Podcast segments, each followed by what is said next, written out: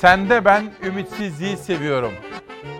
Ben sende ümitsizliği seviyorum. Fakat asla imkansızlığı değil. Her zaman ümit var, imkan var. Büyük bir ozanı bugün anacağız. Nazım Hikmet'i anacağız. Ümitsizliği asla kabul etmeyen, imkansızlığın da peşinde koşan bir büyük ozandan bahsedeceğiz bugün. Günaydın. Haziran'ın 3'ü. 3 Haziran 2020 günlerden çarşamba İsmail Küçükkaya ile Demokrasi Meydanı'na hoş geldiniz. Koronavirüse ilişkin geldiğimiz noktayı merak ediyorsunuz. Bu kadar çaba gösterdik, bu kadar zahmete katlandık. Peki ne oldu diye soruyorsunuz. En çok güvendiğiniz isimlerden birisi o. Profesör Mehmet Ceyhan. Bugün İsmail Küçükkaya ile Demokrasi Meydanı'na katılacak ve aklınızdaki her soruyu kendisine soracağız. Hocam diyeceğiz, çok hızlı gitmiyor muyuz? Normalleşirken bu kadar acele etmiyor muyuz? Diyeceğiz. Ama bir taraftan da 65 yaş üzerindeki kıymetli büyüklerimizin, kıdemli Türkiye Cumhuriyeti yurttaşlarının sesini de duyuracağız. Hocamıza da bunu soracağız. Korona ana gündem maddelerimizden birisi olacak. Ve her zaman olduğu gibi tarım, üretici, besici, emekli, esnaf, işçi, gelirini ve işini kaybedenler sizlerle ilgili haberler de olacak. Ama Amerika'daki gelişmeleri de yine ana gündem maddelerimizden birisi yapacağız. Bugün işin Türkçesi dedik. Neden biliyor musunuz? Bakın Sağlık Bakanı ne yaptı? Gelsin şimdi. Sağlık Bakanı ben bir de Çince anlatayım dedi. Çince bir görsel geliyor şimdi. Çince yaptığı paylaşımda korona hastası olan birinin yoğun bakımda yaşadıklarını tahmin bile edemezsiniz dedi. Bakın sokağa çıkma kısıtlamasının kalkması her şeyin normale döndüğü anlamına gelmesin. Eğer tedbirlerle kendinizi virüse karşı güvenceye almazsanız karşılaşacağınız sonucu bilemezsiniz. Türkçesi bir koronavirüs hastasının yoğun bakımda yaşadıkları size Çince kadar yabancıdır dedi. Ve hemen aşağıya doğru biraz indiğimiz zaman bakanın Çince yaptığı paylaşım. Biz de dersimizi çalışırken, gündeme hazırlanırken dedik ki işin Türkçesi. Şimdi Şehnaz'dan, yönetmenimden gazeteleri rica ediyorum. Bugün gazete yolculuklarında bakalım neler bizi bekliyor efendim. Sözcüyle başlıyorum. Çevre Bakanlığı'nın reklam kampanyasında muhalife su bile yok. Bakanlık hizmetlerinin duyurulacağı gazete, televizyon ve internet siteleri arasında muhalif tek bir medya yer almıyor, pasta iktidara yakın medyaya dağıtılacak. Çevre ve Şehircilik Bakanlığı bu yılki yatırım, hizmet ve faaliyetlerini duyurmak amacıyla medya planlaması satın alma hizmeti için ihaleye çıktı. 10 Haziran'da yapılacak ihalenin şartnamesi medyadaki büyük ayrımcılığı ortaya koydu. Şartnamede tanıtımların yayınlanacağı medyanın listesi yer aldı. Hepsi iktidara yakın medyaydı. Sözcü, Cumhuriyet, Yeni Çağ, Bir Gün gazeteleri ve Fox, Halk, KRT, Tele1 gibi televizyonlar ve muhalif sitelerde listede yoktu diyor. Böyle bir manşetle çıkmış bugün Sözcü gazetesi. Deniz Ayhan imzalı bir haber. Bir sonraki gazetemiz gelsin. Bir Gün Gazetesi eğitimin değil kazancın telafisi. Bunu sizlere aktaracağım. Dün bizim Ayhan da Ayhan Kemaloğlu da yazmış. Abi diyor çocuğunu oku, özel okula gönderenler neden böyle bir ayrımcılığa ve haksızlığa maruz kalsınlar ki diyor. Onun da sebebini sizlerle biraz sonra konuşacağız. Bu sesi de duyurmaya gayret edeceğiz. Ama ilk manşet. Önce Amerika'ya gidiyoruz. Amerika'da meydana gelen gelişmeler Kasım ayında seçime gidecek Amerika kadar dünyanın her tarafındaki dünya vatandaşlarını da yakından etkiliyor ve ilgilendiriyor.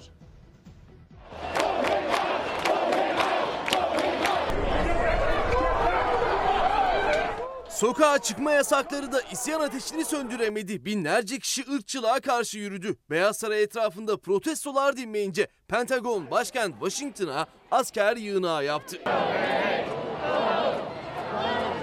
Amerika Birleşik Devletleri'nde siyahi George Floyd'un polis şiddetiyle ölmesi sonrası 140'tan fazla kente ırkçılık karşıtı gösteriler başladı. Polisin eylemcilere sert müdahalesi protestoları şiddetlendirdi. Gösterilerin 8. gününde de ırkçılık karşıtları yine sokaklardaydı.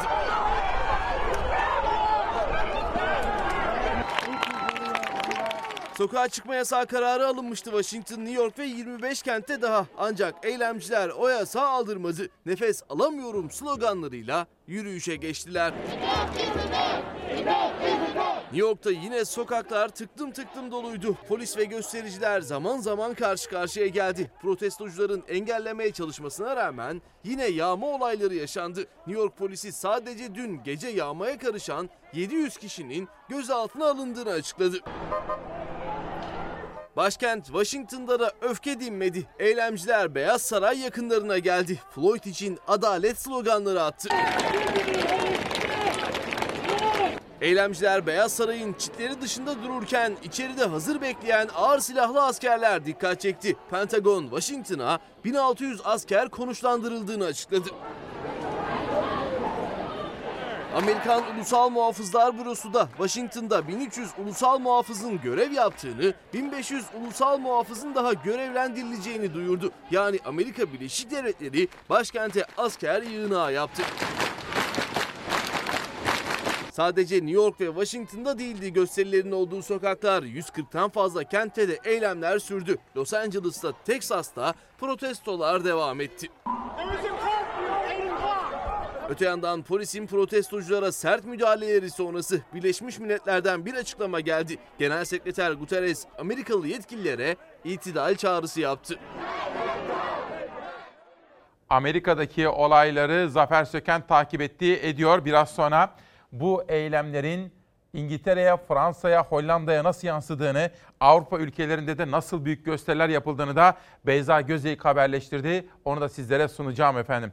Alp Kahraman Türk, İsmail Bey günaydın. İstanbul'da kilise çanını kıran şahsı iki saatte bulup tutukladılar. Güzel. Çünkü bir provokatif girişimdi.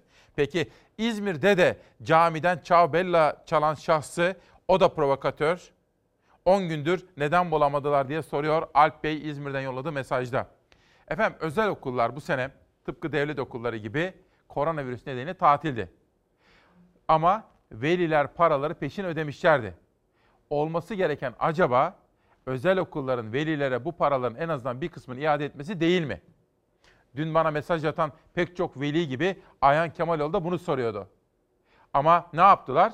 Para ödememek için telafi eğitimi diye Ağustos'un 15'inden itibaren bir eğitim koydular. Veliler buna haklı olarak isyan ediyorlar. Çocuklar üzgün, morali bozuk çocukların. Ağustos'un ortasında tam da sezondan önce yeniden okul olur mu? Burada bir numara mı var?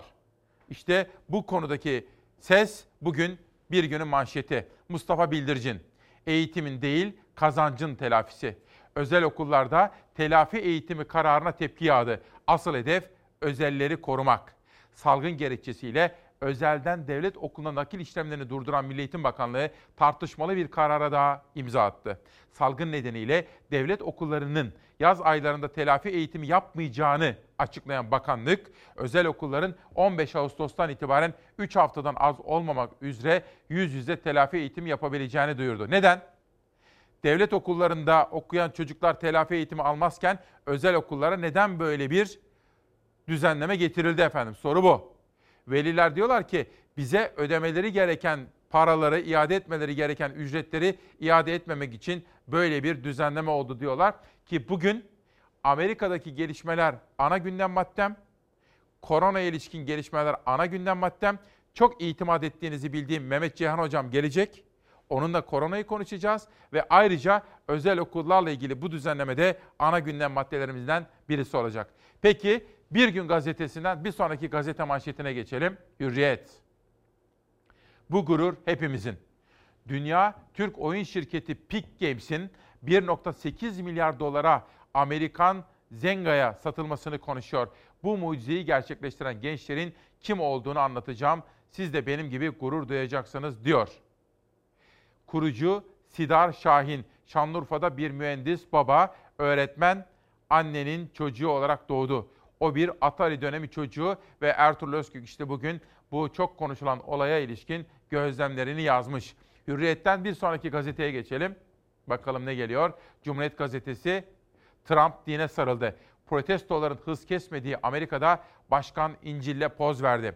Amerika'da şu anda kıyamet kopuyor deyim yerindeyse. ABD Başkanı'nın eline İncil'i alarak yaptığı konuşmalar çok tepki çekti. Ama aynı zamanda Pelosi, Pelosi de bizim için sabaha karşı olan saatlerde Amerika'da dün akşam saatleri itibariyle o da inceli bir fotoğraf verdi. Her ikisini de sizlere detaylı olarak anlatacağım efendim. Cumhuriyete de şimdilik bir parantez açıyorum. Bu gazetelere ilerleyen dakikalarda yeniden dönüş yapacağım. Cumhuriyet'ten şimdi pencereye geçiyorum. Gündem korona. Toplumsal bağışıklıkta gerideyiz. İstanbul Tıp Fakültesi Dekanı Profesör Doktor Tufan Tükek, Türkiye'nin toplumsal bağışıklık için henüz çok geride olduğu uyarısında bulunurken yeni nesil antikor testlerinin sonuçlarına göre pozitif sayısının sanılandan daha düşük seviyede olduğunu söyledi. O halde hiç vakit yitirmeden koronaya ilişkin en güncel bilgileri, onları da Ezgi Gözeger hazırladı sizler için. Acaba siz de benim gibi düşünmüyor musunuz? Biz bu kadar zahmete giriştik, bu kadar evlerde kaldık, hafta sonları evlere tıkıldık kaldık. Peki bu normalleşme adımları aşırı bir süratle çok hızlı olmuyor mu acaba? Hayır sen tutma. Hayır biz şey yapacağız. Günlük tespit edilen hasta ve ölüm sayıları her geçen gün düşüyor. 2 Haziran'da tespit edilen hasta sayısı 800'ün altına düştü, 786 olarak yansıdı tabloya. 22 kişi daha hayatını kaybetti. İyileşen hasta sayısı ise 974. Yoğun bakımdaki hasta sayısı 663'e, entübe hasta sayısı 271'e geriledi. Toplam test sayımız 2,1 milyonu geçti. İyileşen hasta sayımız 130 bin. Yoğun bakıma ihtiyaç duyan hasta sayımız azalıyor. Gelecek günler el hijyenine, özene, maske artı sosyal mesafe kuralının her ikisine uymamıza bağlı. Daha iyi tedbir, daha iyi sonuçtur. Maske ve sosyal mesafe kuralına uyulmazsa iyiye giden tablo her an tersine dönebilir. Yasaklar kalkmış olsa da tedbiri elden bırakmamak gerekiyor. Olumsuz bir sonuçla yüzleşilirse hemen ona dönük olarak yine tedbirler alınabilir. Geriye dönülebilir, tekrar düzenlemeler yapılabilir. Sayın Cumhurbaşkanımız da açıkladılar. Hani e, gerek lokal il bazında gerek ulusal bazda e, bu konuda atılması gereken bir adım olursa tabii ki atılacaktır diye inanıyorum. Hem bilim kurulu hem de devletin zirvesi Haziran'ın ikinci haftasındaki vaka sayılarını bekliyor. Salgında ikinci dalga herkesin ortak korkusu. Yeni dönemde tablo kötüleşirse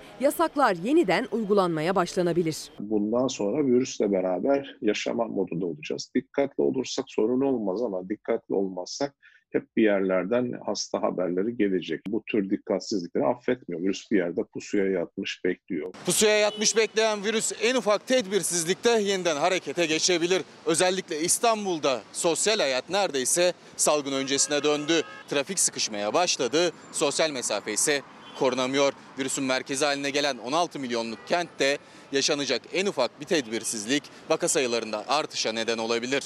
Sağlık Bakanı Fahrettin Koca da sosyal medyada tedbirlere dikkat çekti. Koronavirüs tablosuna benzer bir tabloda bu kez Çince yazıyordu. Bir koronavirüs hastasının yoğun bakımda yaşadıkları size Çince kadar yabancıdır mesajı verdi. 1 Haziran itibariyle kamu personeli de işlerinin başına döndü. Özel sektör çalışanları artık çoğunlukla ofislerinde. Kronik hastalar yine izinli ama hamilelere düzenleme bekleniyordu. Kamuda çalışan hamile personel için idari izin süresi uzatıldı. Bebek bekleyenler gebeliklerinin 32. haftasında değil 24. haftasında işten ayrılacak. Evden çıkmaları yasak olsa da 18 yaş altındaki çocuklar ebeveynleriyle seyahat edebiliyorlar. Dışarıda maske takmaları da zorunlu. Ama uzmanlar özellikle 2 yaşından küçük çocukların boğulma riski nedeniyle maske takmaması konusunda uyarıyor. Koronavirüsün hala bilinmeyen pek çok yönü var. Virüsün ilk tespit edildiği Çin Wuhan'da koronavirüse yakalandıktan sonra cilt rengi değişen bir doktor hayatını kaybetti. Doktor Hu Weifeng 5 aydır tedavi görüyordu. Onunla aynı tedaviyi gören bir başka doktorda da cilt rengi değişikliği tespit edilmişti. Bugünkü buluşmamız içerisinde, bugünkü sabah randevumuz içerisinde Profesör Doktor Mehmet Ceyhan bizimle olacak. Merak ettiğim çok soru var. Onlardan biri de biraz evvel Çin'de koronadan dolayı hayatını kaybeden renk değişimine uğrayan kişi var. Resmen siyahi olmuş. Sebebini çok merak ediyorum. Hocama soracağım biraz sonra. İşin Türkçesi dedik ya. Berin Fet Fethullahoğlu diyor ki, Sayın Bakan Çinci'yi bıraksın da Türkçesine bakalım bu işin. Kasada para yok, işsizlik had safhada. Millet aş ve ekmek derdinde psikolojimiz bozuldu diye soruyor efendim. Berin Fettaoğlu Venedik B Rumuzlu arkadaşımız Twitter'dan yazmış bize. Sabah gazetesi dün pek çok gazetenin de manşetindeydi bu özellikle konut kredilerindeki faizlerle ilgili düzenlemeler. İşte sabahın manşeti. 2 yıl ödemesiz ev müjdesi. Konutta dev kredi paketinden sonra emlak gayrimenkul yatırım ortaklığından da tarihi kampanya %10 indirim, %5 peşin 2 yıl sonra ödeme diyor ve bu konudaki gelişmeleri de rakamlar eşliğinde aktarmışlar. Sabahtan Analiz Gazetesi'ne geçiyorum. Bir başka ekonomiye dair haberi sizlere okumak için. EPDK akaryakıt fiyatlarının yüksek olduğuna dikkat çekti ve uyardı diyor Analiz Gazetesi. Fiyatları ya indirin ya indiririz. Koronavirüs salgınının yaşandığı son aylarda akaryakıt sektöründeki bazı fiyat hareketleri rekabeti bozuyor. Bunu da hiçbir dağıtıcı maliyet artışıyla ya da bir başka gerekçeyle açıklayamaz. Bu hareket sektörü dinamitlemektir. Oyunu kuralına göre oynamak sektördeki tüm oyuncuların kırmızı çizgisi olmalı. Aksi halde balans ayarı yaparız diyor Mustafa Yılmaz'ın başkanlığındaki EPDK. EPDK'ya göre 2017 yılı başındaki marjlarla 2020 yılı Mayıs ayı marjları arasında 15-20 kuruş fark oluştu diyor efendim. Bugün tabii ki ekonomiyi de çok büyük detaylarla sizlere anlatma imkanı bulacağız. Ama aynı zamanda nasıl ki Amerika'daki gösterileri ve onun Avrupa'ya yansımasını sizlere sunmaya gayret edeceğimiz gibi bütün dünyada meydana gelen koronaya ilişkin gelişmeleri de 2 Haziran'dan 3 Haziran çarşambaya geçerken meydana gelen olayları da sizlere bütün teferruatıyla anlatmaya gayret edeceğiz.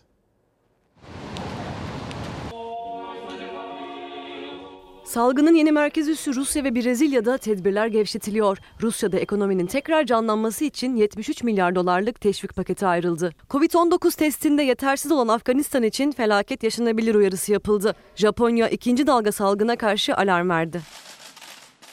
Covid-19 dünya genelinde 382 binden fazla can aldı. Dünya üzerinde virüse yakalananların sayısı 6,5 milyona tırmandı.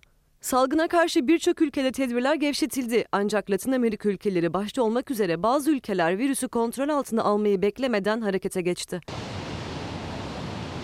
Salgının rüzgarının en sert estiği Brezilya'da tedbirler gevşetildi. Ülkenin salgından en çok etkilenen şehirlerinden Rio de Janeiro'da plajlar, parklar, mağazalar açıldı.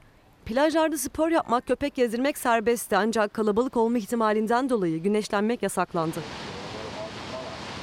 Brezilya'da 24 saatte 30 bini yakın yeni vaka teşhis edildi. 31.309 can kaybının 5.500'ü Rio de Janeiro'da gerçekleşti. Rusya'da 24 saatte 10 bin yeni vakaya rastlandı. Ancak tedbirler kademeli olarak gevşetilmeye devam ediyor. Salgının en sert seyrettiği başkent Moskova'da kiliseler açıldı. Kuaförler, restoranlar ve müzeler hala kapalı. Putin Rusya Başbakanı Mishustin'le görüştü. Salgından alınan darbe için hızlı adımlar atılmasına dikkat çekti. Putin ekonomiyi canlandırmak için 73 milyar dolarlık teşvik paketi açıkladı. Ekonomik krizin derinleştiği Şili'de Peru, Kolombiya ve Bolivya vatandaşları zor durumda. Başkan Santiago'da büyükelçiliklerin önünde çadır kuran insanlar ülkelerine geri dönmek istiyor. Salgın yüzünden işsiz kalan göçmenlerin hiçbir ekonomik geliri yok. 10 gündür ülkelerinden uzanacak yardım elini çadırlarında kalarak bekliyorlar. Test kapasitesi yetersiz olan Afganistan'da virüsün etkisi bilinmiyor. Ancak Covid-19'a bağlı olduğu düşünülen can kayıpları endişeleri artırıyor. Uluslararası Kurtarma Komitesi Afganistan için uyarıda bulundu. Bu koşulların sürmesi halinde insani felaket yaşanabileceğine dikkat çekildi. Japonya salgında ikinci dalga uyarısı yaptı. Tokyo'da yeni vaka sayısı 30'un üzerine çıktı. Tokyo valisi düzenlediği basın toplantısında vakaların daha da artması halinde yeniden olağanüstü hal ilan edilebileceğini açıkladı. Eğer olağanüstü hal ilan edilirse ticari işletmeler yeniden kapanacak. Karantina uygulamaları geri gelecek. Salgının başından beri uygulanan tedbirlerle dünyaya örnek olan Yeni Zelanda'da salgın resmen sona erdi. Ülkede virüs taşıyan sadece bir kişi kaldığı, onun da iyileşme sürecinde olduğu açıklandı. İlerleyen dakikalarda farklı ülkeleri de tek tek sizlere anlatmaya gayret edeceğiz efendim. Haberleri şu anda hazırlanmakta. Cem Er de Amerika'nın yapıp etmeleri ve politikalar üzerinden bugünkü yaşananlara eleştirel bir bakış açısı getiriyor ve Amerika'yı eleştiriyor bugünkü bana yolladığı mesajda. Bugün İsmail Küçükkale Demokrasi Meydanı'ndaki manşetimiz işin Türkçesi. Biraz sonra işin Türkçesini de Mehmet Ceyhan hocamıza soracağım. Analizden Türk Gün Gazetesi'ne geçelim. Bugün bu kuşakta Türk Gün Gazetesi'ni vereceğim. İlerleyen dakikalarda Yeni Çağ manşetini sunacağım. Bu tezgaha gelmeyiz. Bahçeli son noktayı koydu ve son günlerde artmakta olan erken seçim olur mu iddialarını bitirdi. MHP lideri Bahçeli erken seçime ihtiyaç yok. Dolambaçlı yoldan zorlama yapanlar demokrasi ve millet muhalifi çevreler dedi. Seçimlerin zamanında yapılacağının altını çizdi. Bu arada şunu da söyleyeyim. Günün fotoğrafını seçiyoruz ya her sabah. Günün fotoğrafı dün Alaaddin Çakıcı'nın MHP Genel Merkezi'ne giderek Devlet Bahçeli'ye gerçekleştirdiği ziyaret ve o ziyaretten ortaya çıkan görüntüydü. Günün en dikkat çeken fotoğrafıydı. Onu da sizlere göstereceğim. Hepiniz biliyorsunuz ki Devlet Bahçeli cezaevinde tutukluyken de Çakıcı'yla görüşmüştü ve özellikle infaz düzenlemesi konusunda da Bahçeli'nin açıklamaları ve politikası ısrarı çok etkili olmuştu. Bugün Yeni Çağ Gazetesi'nde Arslan Tekin'in bir yazısı var. Murat Ağırel yine yaptı yapacağını diyor. Tutuklu bir gazeteci üzerinden bir yazı yazmış. Haberi izleyelim. Haber şu. Dün Milli Güvenlik Kurulu toplantısı yapıldı. Haberi izleyeceksiniz. Haberdeki detaylara ve MGK'nın sonrasında yapılan açıklamaya da lütfen dikkat edin. Fakat detaylara da bakarken MGK üyesi herkesin maskeli olduğunu, bir tek Cumhurbaşkanı ve AK Parti lideri Sayın Erdoğan'ın maske takmadığını da göreceksiniz efendim. İzleyelim. Dönüşte Murat Ağırer'le ilgili acaba ne yaptı yazısını okuyacağım. 4 ay aradan sonra maskeli, sosyal mesafeli toplandı Milli Güvenlik Kurulu. 3 saat 20 dakikalık toplantıdan terörle mücadelede kararlılık mesajı çıktı. 2,5 aylık İstanbul mesaisinden sonra Ankara'ya döndü Cumhurbaşkanı Recep Tayyip Erdoğan. Başkentteki ilk mesaisi de Milli Güvenlik Kurulu toplantısı oldu. Normal şartlarda MGK 2 ayda bir yapılıyordu. Ancak koronavirüs pandemisi nedeniyle 4 ay sonra yapıldı toplantı. 4 ay sonra yapılan ilk toplantıda mesafe kuralına da maske kuralına da uyuldu. Cumhurbaşkanı Erdoğan dışında bütün Milli Güvenlik Kurulu üyeleri maskeliydi. Koronavirüs sonrası yeni normalde yapılan ilk Milli Güvenlik Kurulu 3 saat 20 dakika sürdü. Toplantının ardından MGK'da alınan kararlar açıklandı. Açıklamada başta PKK ve FETÖ olmak üzere terör örgütleriyle mücadele kararlılıkla sürecek ifadeleri kullanıldı. MGK sonuç bildirgesinde Suriye'nin toprak bütünlüğünün korunması ve bölgenin terörden arındırılması, Akdeniz'de Türkiye'nin haklarının korunması, Libya'nın siyasi birliği ve toprak bütünlüğünün muhafaza edilmesi gibi kararlar yer aldı. Milli Güvenlik Kurulu'nun da gündemindeydi salgın. Koronavirüsle mücadelede Türkiye'nin attığı adımlar ve sağladığı başarılar ele alındı. Sizi bir kere daha Ankara'ya götüreceğim ama dikkatiniz çekmiştir. Cumhurbaşkanı Erdoğan maske takmıyor efendim. Keşke taksa da bütün memlekete örnek olsa. Arslan Tekin bugün Murat Ağırel yine yaptı yapacağını diyor. Sizlere dün bir parça bahsetmiştim. Tutuklu gazeteci Murat Ağırel bir röportaj yaptı bakın. Gazeteci tutuklu kiminle röportaj yaptı cezaevinden? Kendi avukatlarıyla. Konu neydi? Kendisine yönelik iddianameyi sordu ve Yeni Çağ'da dün tam sayfa yayınlandı bu. Murat Ağırel yine yaptı yapacağını. Yazar Aslan Tekin diyor ki, bizim tür rejimlerde muti insanlar itibardadır. Ve ne yapacaksın? İnkiyat edeceksin, boyun eğeceksin. Halkı aydınlatanlar ise hoş görülmez diyor. Murat hiç olmayacak bir bahaneyle içeri atıldı diyor. Sonra da şurası bakın. Murat müthiş bir gazeteciliğe imza attı. Kendisi içerideyken dışarıdaki avukatlarıyla bir röportaj yaptı ve bu röportaj önceki gün gazetemizde ve internet sitemizde yayınlandı. Gazetecilik tarihine geçecek bir farklılık diyor. Gerçekten de cezaevinde bir röportaj yaptı. Bir gazeteci olarak avukatlara kendi iddianamesine ilişkin detayları sordu Murat Ağırel. Yeni Çağ Gazetesi'nin tutuklu yazarı. Çalar Saat Gazetesi de bugün bakın 3 Haziran 2020 gazeteyi de Dilek Zehir çizdi. Şunu söyleyeyim etiketi de Nihal Kemaloğlu'na borçluyum dün gündem çalışmamızı yaparken Sağlık Bakanı'nın yaptığı açıklama üzerinden Çince paylaşım üzerinden dedi ki işin Türkçesi. Evet dedim tamam müthiş bir etiket. Bugün işin Türkçesi etiketine görüşlerinizi yazabilirsiniz. Şimdi hızlı normalleşmeye dikkat. Sabah çalışırken editörüm Zeray da dedi ki, Zeray Kınacı, bak İsmail dedi özellikle şu bölge. Bizim de içinde bulunduğumuz bu bölge de dahil İstanbul şu anda çok büyük bir risk altında efendim.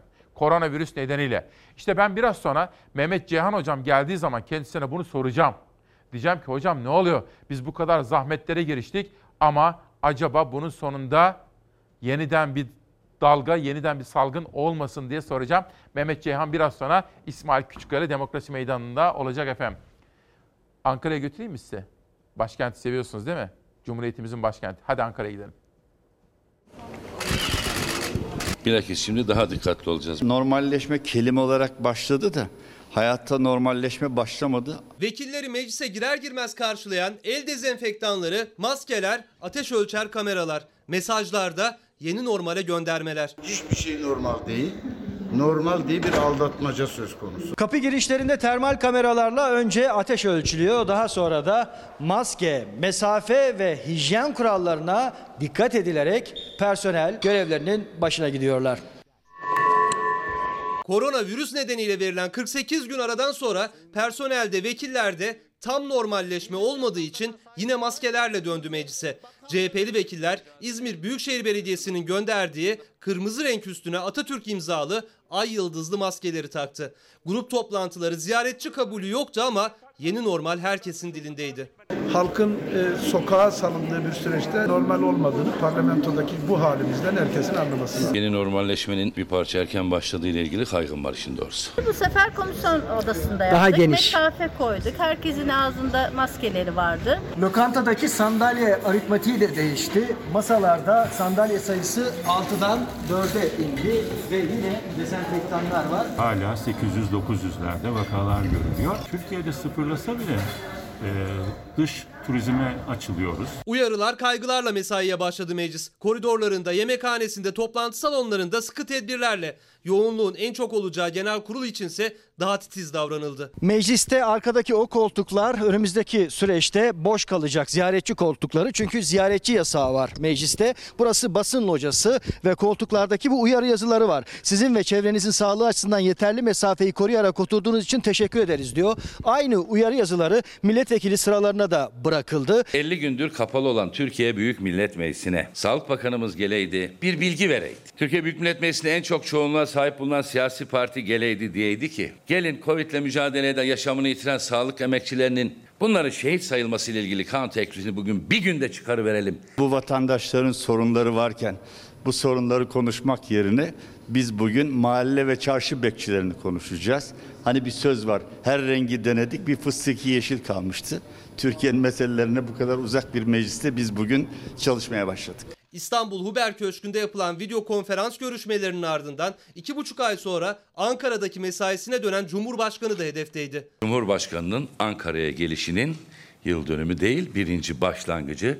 Bir dahaki sene 2 Haziran'da Cumhurbaşkanının Ankara'ya gelişinin birinci seneyi devriyesi diye bunu da herhalde ekleriz. 75 gün bir ülkenin Cumhurbaşkanının başkentte olmaması çok vahim bir durumdur. Cumhurbaşkanının İstanbul'dan Ankara'ya döndükten sonra ilk mesaisi Milli Güvenlik Kurulu toplantısı. İki ayda bir toplanıyordu ama virüs araya girince 4 ay sonra gerçekleşti Milli Güvenlik Kurulu toplantısı. Mesafe kuralı ve maske önlemiyle Erdoğan dışında Milli Güvenlik Kurulu'nun bütün üyeleri maskeliydi. Eğitimle ilgili çok yoğun mesaj geliyor. Ben bunu bakın buradan hükümete de aktarmak istiyorum. Alınmış olan karar velileri memnun etmedi. Ülkü Berna, Sayın Bakan yaz tatilinde okul yok diye açıklamıştı. Devlet okullarında yok. Şimdi özel okulların Ağustos'tan başlayarak minimum 3 hafta telafi eğitim yapması neden? Ücretler iade edilmemesi için mi? Çocukların morali bozuldu. Bakın ben de konuştum dün 3-4 çocukla kendi yeğenim dahil. Moralleri bozuldu. Buna başka bir çözüm bulmaları gerekiyor. Yasemin Horozoğlu, sevgili İsmail Günaydın, işin Türkçesi özel okullardaki bu tuhaf ve anlaşılmaz telafi programının sebebi acaba Milli Eğitim Bakanı'nın özel okul sahibi olması olabilir mi diye soruyor Yasemin Horozoğlu. Bütün bunlar aslında son derece dikkate alınması gereken mesajlar. Levent Üzümcü, sosyal medyaya bakıyorum. Bugün toplu taşımadaki kapasitenin yarısı kadar yolcu alma yasağı kaldırıldı. AVM'ler açıldı, restoran ve kafeler de öyle. Ama ama tiyatrolar hala kapalı. Bugün 1 Haziran 2020, iki gün önceki mesaj.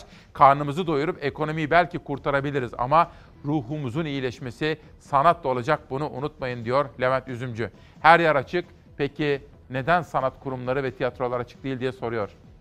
Murat Yetkin, Cumhurbaşkanı sadece Cumhurbaşkanlığındaki dar bir ekiple çalışıyor. Birkaç bakan dışında diğerlerinin etkisi yok. Bu AK Parti içinde gerileme yol açıyor.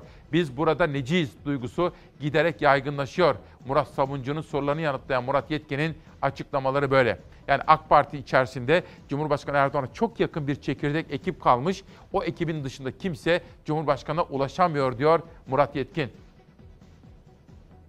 Ahmet Davutoğlu iktidar 1 Haziran itibariyle normalleşme sürecini başlattığını ilan etti. Uzun yıllar sonra iktidarın ilk kez normalleşmeden bahsetmesinden memnun olduk. Ancak iktidarın normalleşmeden anladığıyla milletimizin normalleşmeden bekledikleri arasında büyük bir uçurum var diyor efendim. Günün fotoğrafı ne diye soruyorsanız Murat Bey de sormuş bana. Şenaz gelsin günün fotoğrafı. Efendim iki ayrı fotoğraf.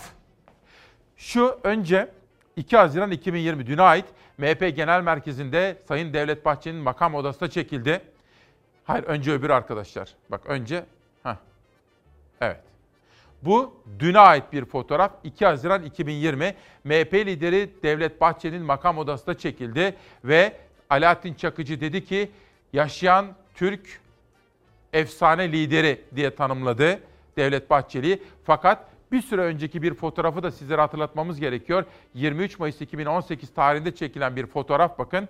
Alaaddin Çakıcı o sırada tutukluydu. MHP lideri Devlet Bahçeli bugünlerde yürürlüğe girmiş olan infaz sistemine ilişkin ilk açıklamalarını o günlerde yapmıştı ve Alaaddin Çakıcı'ya da o günlerde de sahip çıkmıştı. Devlet Bahçeli işte bakın 23 Mayıs 2018'deki bu fotoğraf ve üzerinden Zaman geçtikten sonra yıl gelmiş 2020, 2 Haziran 2020 bu kez Alaaddin Çakıcı serbest ve teşekkür için MHP lideri Sayın Devlet Bahçeli'yi ziyarete gitti ve teşekkür etti. İki kitap tanıtımı, reklamlar sonra dönüşte manşetler ve Mehmet Ceyhan hocamız bizimle olacak efendim. Korona ilişkin sorular soracağız. Her sabah olduğu gibi kitaplara bakıyoruz. Okan Yüksel tüm boyutlarıyla dijital pazarlama ve sosyal medya isimli kitabıyla Çalar Saat'te kitabı verebiliyor muyuz arkadaşlar? Heh, tamam. Bir başkası Azmin Sabrın Zaferi. Bahattin Akgün yazmış. Ve son bir kitap Hatice Nayır da yeni çıkan kitabını, yazmış olduğu kitabını imzalamış, bana yollamış. Efendim bir reklam arasına gidiyoruz. Dönüşte korona, Amerika'daki gelişmeler, ekonomi ve Mehmet Ceyhan'ın katılımıyla demokrasi meydanı. Biraz sonra. Bugün 3 Haziran Önce günaydın diyelim. Sende ben imkansızlığı sevdim. Fakat asla ümitsizliği değil. Nazım Hikmet. Ümitsizlik yasak bize. Biz Çalar Saat ailesine. Günaydın Türkiye'm. 3 Haziran 2020 günlerden çarşamba İsmail Küçükkaya Demokrasi Meydanı'ndasınız. Ve işin Türkçesi. Sağlık Bakanı'nın yapmış olduğu Çince bir paylaşımdan yola çıkarak işin Türkçesi nedir diye konuşuyoruz. Bugünkü ana gündem maddemiz. Artık 7.45'ten itibaren hepimiz öğrendik. Birinci haber hattımızda koronavirüs var. Türkiye ve dünyadan meydana gelen gelişmeler ve Mehmet Ceyhan hocamız bizimle olacak. Bu çok önemli. İki, Amerika'da meydana gelen gelişmeler 7.45'teki manşetimizdi. Bu kuşakta ve onda Amerika'daki en son gelişmeleri sizlere anlatmaya gayret edeceğim. 3 ekonomiye dair bütün gelişmeleri emekli, emekçi, tarım, üretici, işini kaybeden, gelirinden olan vatandaşlarla ilgili haberleri de sizlere aktaracağım. Ve dördüncü haber yolculuğumuzda siyaset var. Bunun dışında da sürprizler sizi bekliyor. Şeynaz, hazırsan başlayalım manşetlere. İşin Türkçesi, buyurun. Bir günde başlıyoruz. Bu konuyu bugün ikinci kez iş, işliyorum çünkü önemsiyorum. İlerleyen dakikalarda zaten bunun haberi de var. Hatta hazırsa şimdi bile verebilirim. Şenaz ona bir bakar mısınız? Özel okullarda telafi eğitimi kararına tepki yağdı. Asıl hedef özelleri korumak. Salgın gerekçesiyle özelden devlet okuluna nakil işlemlerini durduran Milli Eğitim Bakanlığı tartışmalı bir karara daha imza attı.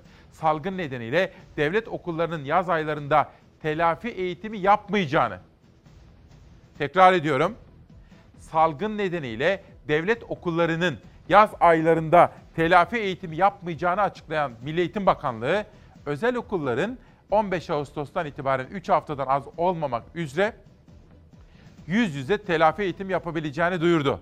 Peki Bu ne anlama geliyor? Efendim, çocuklarımızın morali bozuldu. Dün bu kararı duyunca. Kendi etrafımdaki, kendi tanıdığım çocuklar da dahil olmak üzere. Milli Eğitim Bakanlığı'nın bu kararı gözden geçirmesinde ve meydana gelen gelişmeler ışığında velileri de dinlemesinde büyük fayda görüyoruz. Birçok okulumuz şu andan ilan etti. 17'sinde başlatıyorum. 3 hafta telafi eğitimi yapacağım diye. Ben bir veli olarak çok erken görüyorum.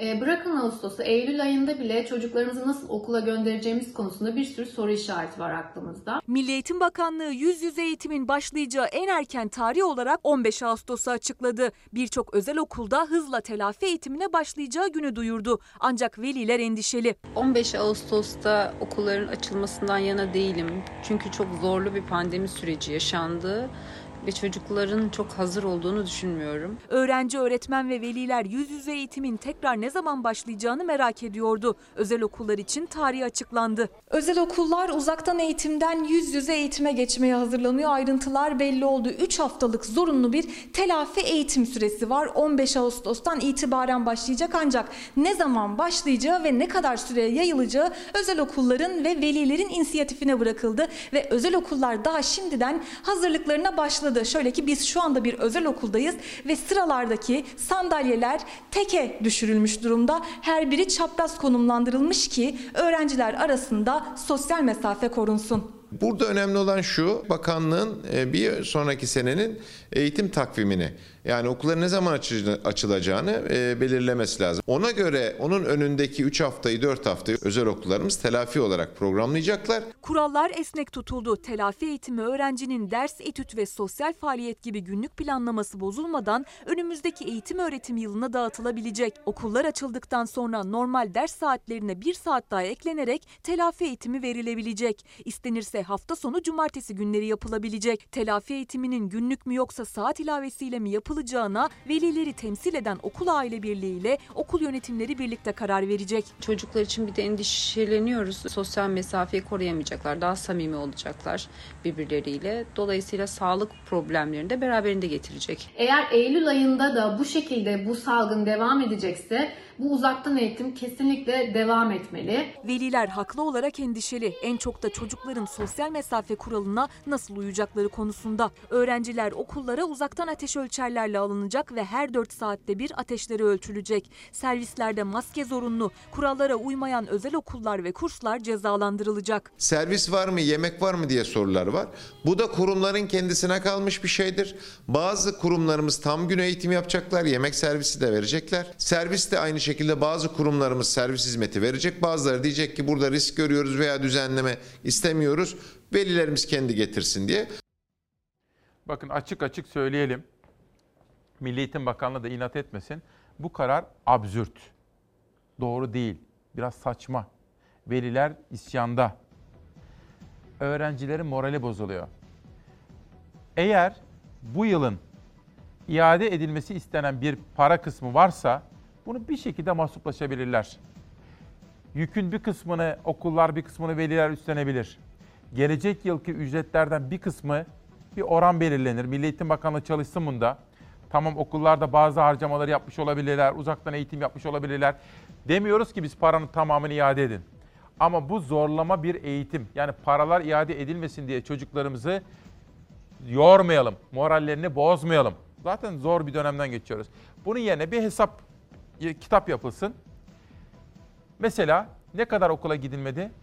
Velilere diyelim şu kadar iade yapılacak ama okullar veremez iadeyi. Desinler ki gelecek yılki okul ücretlerinden mesela atıyorum %20'sini bundan mahsuplaşıyoruz diyebilirler. Böylesine yaratıcı ve halk yararına, çocuklarımızın yararına bir formül bulunabilir efendim. Milli Eğitim Bakanlığı kolaycılığa düşmesin ve böyle bir formülü arasın diyoruz. Biz bu konuyu takip edeceğim. Yarına da Çalarsat gazetesinin manşeti bu olacak. Uzman görüşleri de alacağım. Onu da söylüyorum. Bu işi peşini bırakmak yok. İzzet Çapa'dan bir mesaj gördüm. Amsterdam'da halk Amerika'daki protestoları desteklemek için meydanlarda. Fotoğrafa şöyle bir dikkatle bir bakınız efendim. Bu arada bugün kameralarda bana Yunus abim ve İsmail abim yardımcı oluyor. Onlara da emekleri için teşekkür ediyorum. Bakın Amerika'da meydana gelen ırkçı saldırılar bir siyahinin polis şiddetinde yaşamını yitirmesi, koronavirüsten 100 binden fazla insanın ölmesi ve bu, ve bu ölenlerin daha çok fakirler olması, siyahiler olması Amerika'da öfkeyi artırdı. Amerika'da meydana gelen olaylar Hollanda'da, İngiltere ve Fransa'da da protestolara neden oldu. Irkçılık karşıtı gösteriler adeta dünyayı sardı. Paris'te 20 bin kişi Adalet Sarayı'nın önündeydi. Hem George Floyd için hem de Fransa'da 2016 yılında polis tarafından öldürülen Adama Traore için bir araya geldiler. İngiltere, Hollanda, İsveç, Arjantin, İsrail ve daha birçok ülke ırkçılık karşıtı gösterilere sahne oldu.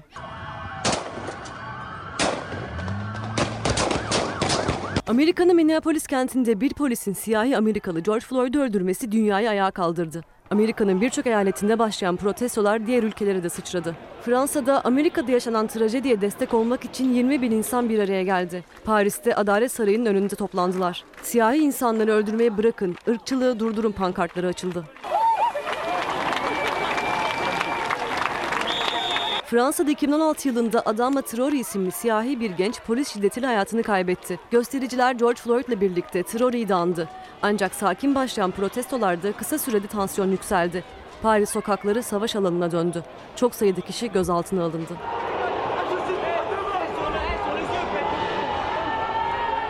İngiltere'de ırkçılık karşıtı gösteriler 3. gününde de yüzlerce insanı bir araya getirdi. İngiltere Sağlık Bakanı Matt Hancock salgın sürecinde siyahi ve Asya kökenli sağlık çalışanlarına özellikle teşekkür etti. İngiltere'de herkesin eşit koşullara sahip olduğuna vurgu yaptı. And I want you to know that our whole country cares about your well-being. Protestoların Arjantin'de adresi Buenos Aires oldu. Amerika Ticaret Odası binasının önünde toplanan yüzlerce kişi George Floyd'un maskesini yüzüne tuttu. Polis şiddetini ve ırkçılığı kınadılar. İsrail, Tel Aviv'de de ırkçılık insanları bir araya getirdi. George Floyd için adalet sloganları atıldı. Göstericiler İsrail'de etnik kökeni yüzünden öldürülen insanların isimlerini pankartlarla taşıdılar. Amerika'da yaşananlar Hollanda'da binlerce insanı buluşturdu. Nefes alamıyorum pankartları her yerdeydi.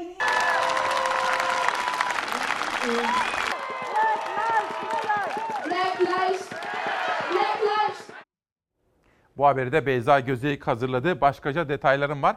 Bugün Habertürk.com'da Ciner grubunun internet sitesinde Serdar Turgut Amerika'da biliyorsunuz ve bir yazı yazmış. Sıcak bölgeye panik notları. Acaba neden bu olup bitenlerin sebebi nedir? Evet bariz nedeni bu isyanın ve çok da haklı artık bıktık diyorlar. Ama Serdar Turgut analiz yapmış birkaç gün bekleyip okumalar yaptıktan, gözlemlerde bulunduktan sonra Minnesota şehri beyazlar ile siyahiler arasında en kötü gelir dağılımı farkı olan şehirler arasında yer alıyor. Bakın. Gelir dağılımı adaletsizliği sorunun özünde bu var. İki, zencilerin, Serdar Bey hiç böyle demezdi ama zenci dememek lazım, siyahiler demek lazım. Siyahilerin Amerika'da beyazlara göre iki misli daha virüs kapma ihtimalleri varmış. Ölenlerin %60'ının Serdar Bey zenci yazmış ama ve Latin kökenli olduğu da söyleniyor diyor. Uygun olmayan evlerde kalabalık aileler olarak yaşayan siyahiler evden çalışma imkanına genelde sahip değiller. Bakın bütün bunlar yapısal sorunlar olarak dikkat çekiyor. Minnesota şehir departmanında yapısal bir hale dönüşmüş ve süre giden bir ırkçılık mevcut. Polis teşkilatında da ırkçılık varmış. Ancak deneyimli yazar Serdar Turgut meselenin sadece siyahilerle sınırlı kalmadığının farkında. Bakın 5. madde. Tabii isyan edenler sadece siyahilerden oluşmuyor. Trump Antifida, Antifa gibi isyana katılan örgütleri terör örgütü diye konumlandırmaya çalışsa da bu doğru değil tabii diyor. Şimdi efendim Antifa'yı artık hepimiz biliyorsunuz. Faşizme karşı örgütlendiğini söyleyen bir grup.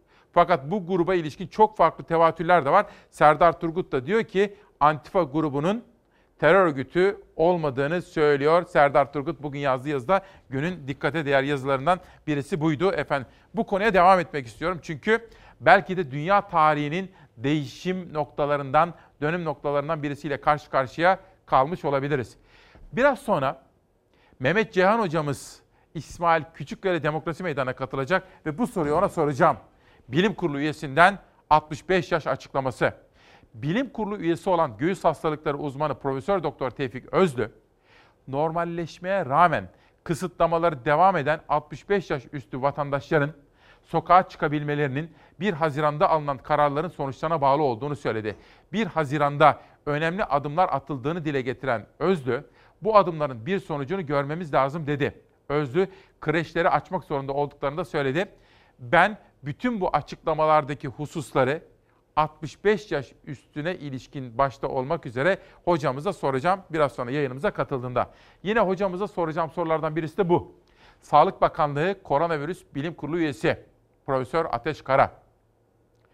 Türkiye'de koronavirüsün ne zaman bitebileceğine ilişkin öngörülerini söyledi. Kara, kurallara uyulduğu takdirde Ağustos ayında koronavirüsün bitebileceğini öne sürdü. Ateş Kara Hoca'nın bu tahmin ve öngörüsünü de ben biraz sonra Mehmet Ceyhan Hocamıza soracağım. Gerçekten Ağustos'ta bitmesini bekliyor muyuz? Ve bir fotoğraf, kutsal kitabı böyle kaldıranlara dikkat edin. Büyük çoğunluğu kamusal ciddi bir suç işlemiştir, bir vicdansızlık yapmıştır, evrensel 10 günahtan birini işlemiştir. Bu kanaate 65 yılda onlarca tecrübeyle ulaşılmıştır, ciddiye alın diyor. Eline İncil'i almıştı biliyorsunuz Trump. Mehmet Bekeroğlu bir eleştirel bakış geliştirmiş. Hürriyet'ten bir haber gördüm. Kamuda çalışan hamileler için çok önemli karar. Pek çok siyasi işte Akşener olsun, Davutoğlu olsun bu konuda düzenleme çağrısında bulunmuştu. Sağlık Bakanlığı da hükümet de bu konuda bir düzenlemeye gitti. Kamuda çalışan hamilelerle ilgili beklenen karar verildi efendim biliyorsunuz. Amerika'da George Floyd'un ağabeyi dükkan yağmalayanlara öfkesini dile getirdi. Ne yaptığınızı sanıyorsunuz? Bu iş barışçıl yollarla başaracağız biz bu işi diyor. Efendim şöyle. Bizim de herkesin de bütün insanların da hakkıdır. Evrensel bir haktır. Şiddete başvurulmadığı sürece şiddete başvurulmadığı sürece barışçıl gösterilerde bulunmak herkesin hakkıdır. Ama yağma buna dahil değildir. I understand y'all upset. But like it was already said, I doubt y'all, under, uh, y'all, y'all half as upset as I am. Come on now. Speak. So if I'm not over here wilding out, if I'm not over here blowing up stuff, Come on. if I'm not over here messing up my community, Come on. then what are y'all doing? What are y'all doing? Y'all doing nothing. Because that's not going to bring my brother back at all. Educate yourself and know who you're voting for. And that's how we going to hit them. Because it's mo- it's a lot of us. It's a lot of us. That's right. It's a lot of us. a lot of us. And we still going to do this peacefully. Barışçıl yollarla diyor efendim. Bakın bu arada Antalya'dan Burçin. Günaydın. Bir şey sormak istiyorum. Annem 65 yaş pandemi ilan edildiği gün ameliyat olacaktı, iptal edildi. Şimdi tüm eğitim araştırmaları hastaneleri pandemi hastanesi ilan edildiği için normalleşme başladı. Sağlık Bakanlığı hala bir genelge yayınlamadı. Ve ne zaman normale dönecek, ameliyatlar ne zaman başlayacak merak ediyoruz diyor Antalya'dan Burçin bana yolladığı mesajda. Necat Sezengöz hani deneyimli yazar Serdar Turgut da zenci diyordu ya. Necat Bey diyor ki Afro-Amerikan söylemek daha doğru olabilir diyor. Yani Afrikalı Amerikalı, Afrika kökenli Amerikalılar. Tabii farklı tanımlamalar yapılabilir efendim ama ben Serdar Turgut'un yazısındaki özü ve analizleri, yapısal sorunlara ilişkin tespitleri önemsediğim için sizlere aktardım. Bir günden bir detay var mı başka arkadaşlar? Geçelim milliyete. Tekrar ediyorum. Milli Eğitim Bakanlığı'nın almış olduğu bu karar, özel okullardaki çocuklarımızın yazın en sıcak günlerde telafi eğitimi görmesine dair karar yanlıştır ve bu yarının gündem maddesi olacaktır. Ben bunu araştıracağım yarına söz veriyorum. Ekip arkadaşlarım notlarını aldılar. Mert İnan'ın haberi mesafede kafa karışık. Açılan kafe ve restoranların bazıları mesafe kriterine uyarken bazıları da eski alışkanlıkları sürdürüyor diyor. İşte bu da alınan önlemler ve vatandaşların bir kısmı bilinçli, bir kısmı duyarsız imiş. Milliyetten bir sonraki gazetemiz gelsin. Cumhuriyet. Bakalım ne diyor? Muhalefete göre bekçilere verilen geniş yetki parti kolluğu ve ahlak polisliğine yol açacak. Saraya polis yetmedi. Bekçileri yeterli eğitim vermeden neredeyse polis yetkisiyle donatmayı içeren teklif, CHP, HDP ve İyi Parti'nin itirazına karşın Türkiye Büyük Millet Meclisi gündemine getirildi. CHP'nin hukukçu milletvekili Profesör İbrahim Kaboğlu, bekçilere tanınan geniş ve keyfiliğe açık yetkilerin devletin ahlak polisliği yapması ve bireylerin hayat tarzına müdahale riski içerdiğini vurguladı. Teklifteki birçok maddenin anayasaya ve güvenlik ilkelerine aykırı olduğunu belirten Profesör Kaboğlu, kamu düzenini bozacak gösteri ve yürüyüşlere karşı bekçilere yetki verilmesi keyfi sonuçlar doğurur. Neyin kamu düzenini bozacak mahiyette olduğu yardımcı kolluk mensubuna bırakılamaz. Silah kullanma yetkisi de yaşam hakkı açısından ciddi risk dedi ve itirazlarını dile getirdi. Burhan Kuzu. Şimdi Burhan Kuzu'nun başı dertte. Çünkü uyuşturucu baronu diye tanımlanan bir isimle ilgili iddiaların odağında ve merkezinde. Sıradaki haber Burhan Kuzu'ya dair. Burhan Kuzu'ya hakime baskı yapması, Zindaşti'yi tahliye etmesi için talimatı Sayın Cumhurbaşkanı mı verdi? Türkiye'de yargıyı arayan siyasetçi ne ilk benim ne son benim. Binlerce arayan var. Erdoğan, samimiyetle soruyorum.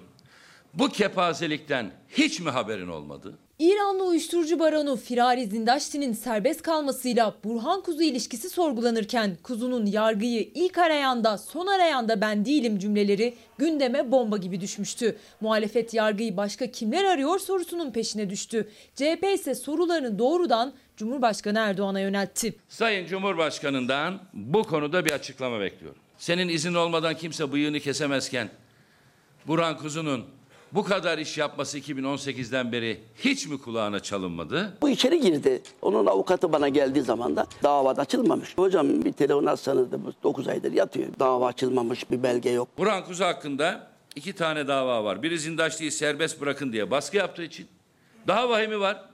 Zindaşlı'nın hasmını da tutuklu tutun içeride diye de dava var. Ben ısrar etmedim. Dava açılmamış. 2014 yılında yasa değişti. Dava açılmadan hakim aramak suç olmaktan çıkarıldı. Dolayısıyla benim zaten aradığım dönemde dava açılmadığı için suç da oluşmamıştır. Hakkında cinayete azmettirme suçlaması da olan İranlı uyuşturucu baronu Naci Şerif'i zindaştı. 6 ay tutuklu kaldıktan sonra tahliye edildi. 3 saat sonra yakalama kararı çıkartıldı ama o arada sırra kadem bastı. Uyuşturucu baron için dediğiniz zaman sanki adam baronluktan yatıyor da baronluktan çıkarmış gibi, uyuşturucu suçundan çıkarmış gibi. Adam ben baron değilim diyor. Barondur değildir ben bilemem. Zindaştı hakkında tahliye kararı veren hakimin Burhan Kuzu'nun kendisine baskı yaptığını söylediği iddia edildi. İddiaları HSK müfettiş raporuna da girdi. Bunlar gayet doğal olan şeyler. Yani yargıyla aradın hadi bunu yap.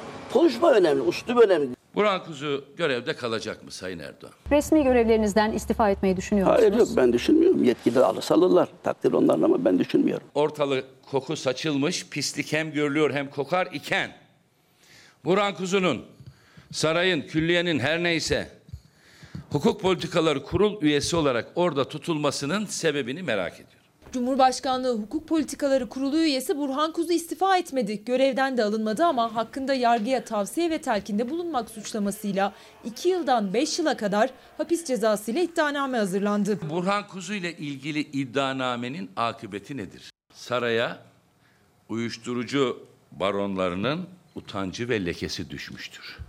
Bir sürü leke var da bir bu eksikti.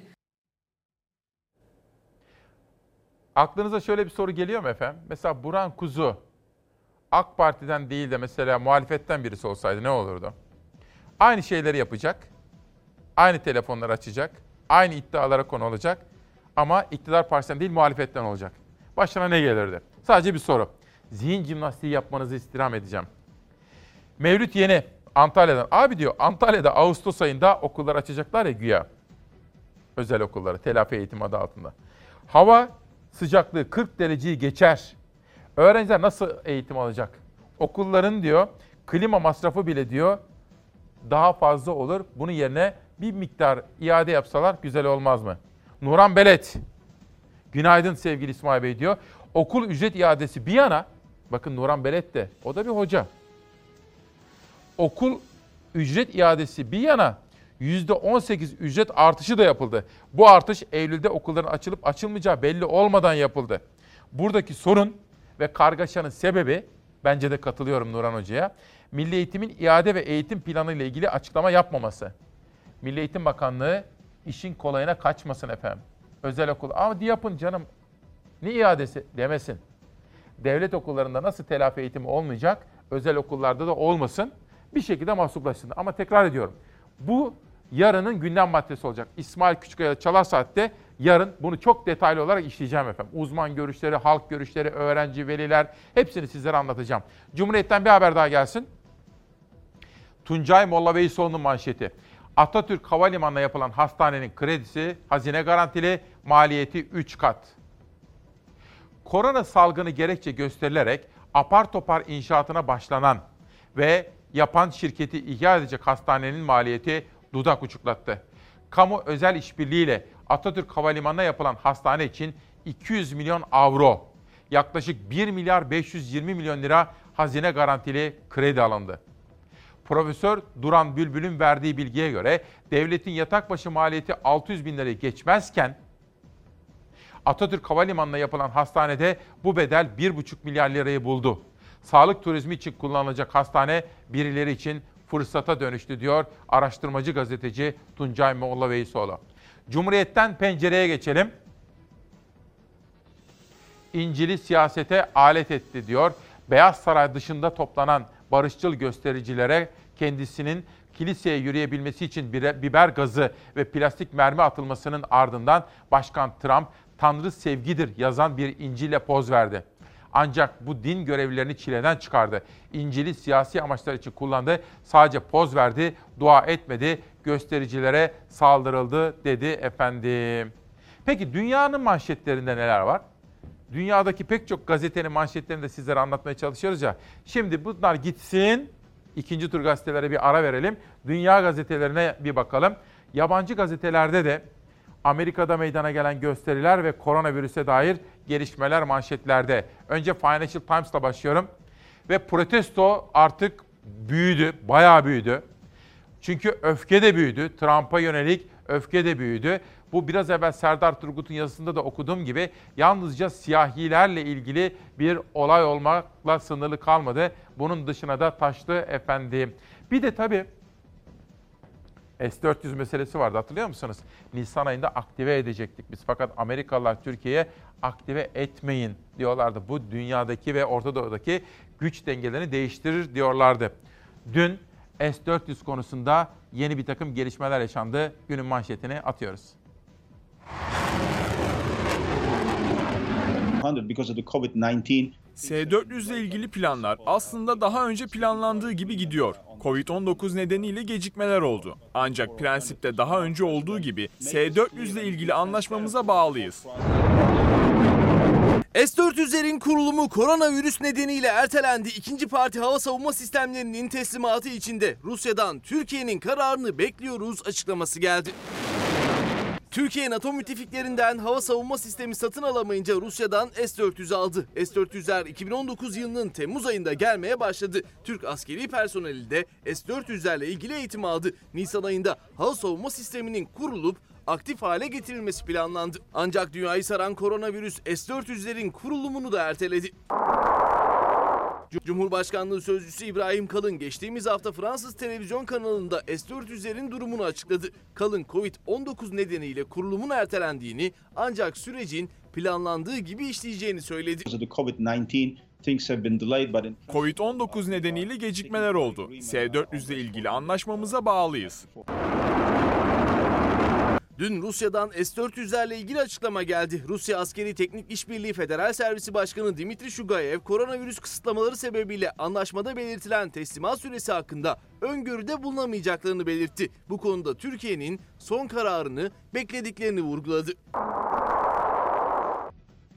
Bu arada bir konu dikkatimi çekmekte. İçişleri Bakanı Süleyman Soylu 3-4 gün evvel internet haberde bir canlı yayına katıldı. Bu Özışık kardeşlerin canlı yayında çok dikkate değer açıklamalarda bulundu. Bir tonlama ve üslup değişikliğine gidiyor Soylu. Çok dikkat çekici, farklı kesimlerin de dikkatini çekecek önemli açıklamalar yapıyor. Yani kamuoyunun gündemine gelen Süleyman Soylu'da bakın bir farklılık var gözlemlediğim kadarıyla. Bugün Abdülkadir Selvi Soylu toplumun sinir uçlarına hedef alıyorlar diyor. Bir analiz yapmış. Tek tek okuduğunuz zaman hem Hrant Dink Vakfı'na tehdit, hem işte topluma bir takım kışkırtıcı eylemlerle ayar vermeye çalışanlara dönük mesajlar var. Ama izin verirseniz şimdi Amerika'ya bağlanacağım. Sonra Selvi'nin yazısı üzerinden İçişleri Bakanı Süleyman Soylu'nun gündem olacağını düşündüğüm o sözlerini sizlere anlatacağım. Şimdi bağlantıya gidiyoruz. Hazır mıyız Şehnaz? Evet, Amerika'dan çok başarılı bir gazeteci arkadaşımız İrfan Sapmaz. Merhabalar, yayınımıza hoş geldiniz. Nasılsınız? Merhaba İsmail. Merhaba. Çok teşekkür ederim İsmail. Sen nasılsın? İzliyoruz seni de yakından. Çok teşekkür ediyorum. Bu katkı için, katılım için çok teşekkür ediyorum. Sağ ol, var ol.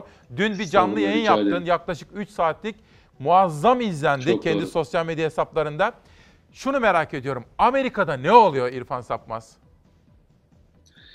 Evet, e, malum ben İsmail işte nereye gitsek bir savaşla karşılaşıyoruz. 1 Ocak 2020 tarihinde Amerika Birleşik Devletleri'ne geldim. İşte yüksek lisans eğitimine başladık. Koronavirüs patladı. Arkasından da şu anda işte George Floyd isimli Minneapolis'te 46 yaşındaki bir siyahinin bir polis tarafından e, izlediniz hepiniz. 9 dakikalık bir video bu. Bunu yine çeken siyahi bir kadın 9 dakika boyunca işte dizini e, polis e, memuru, Denver polis memuru e, George Floyd'un boynuna dayıyor. İşte yaklaşık 3. dakikada zaten hayatını kaybediyor. Daha sonra işte bu sosyal medyaya düştü. Ardından da tüm Amerika'ya yayıldı.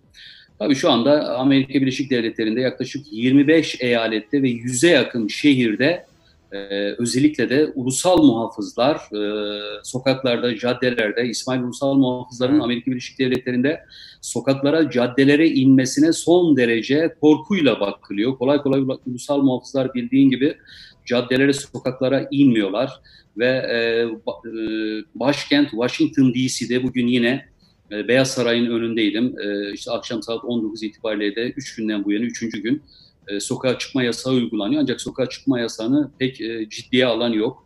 E, binlerce insan Washington DC'nin önünde, Washington DC'nin hemen önünde bir park var. E, e, Washington DC'ye gelenler bilir. Bu parkta daha önce e, tel örgüler yoktu. Durumun çok ciddi olduğu anlaşılıyor. İşte dün gece biz oradan ayrıldık. Gece yarısı e, büyük ihtimalle sabah geldiğimizde çünkü e, o e, tel örgüleri gördük tamamıyla protestocularla, göstericilerle Beyaz Saray'ın e, arası e, aradaki o parkda e, bağlantılar kopartılmıştı. E, gizli servis, secret servis koruyor, gizli servis koruyor Başkan Trump ve Beyaz Saray'ı. Evet.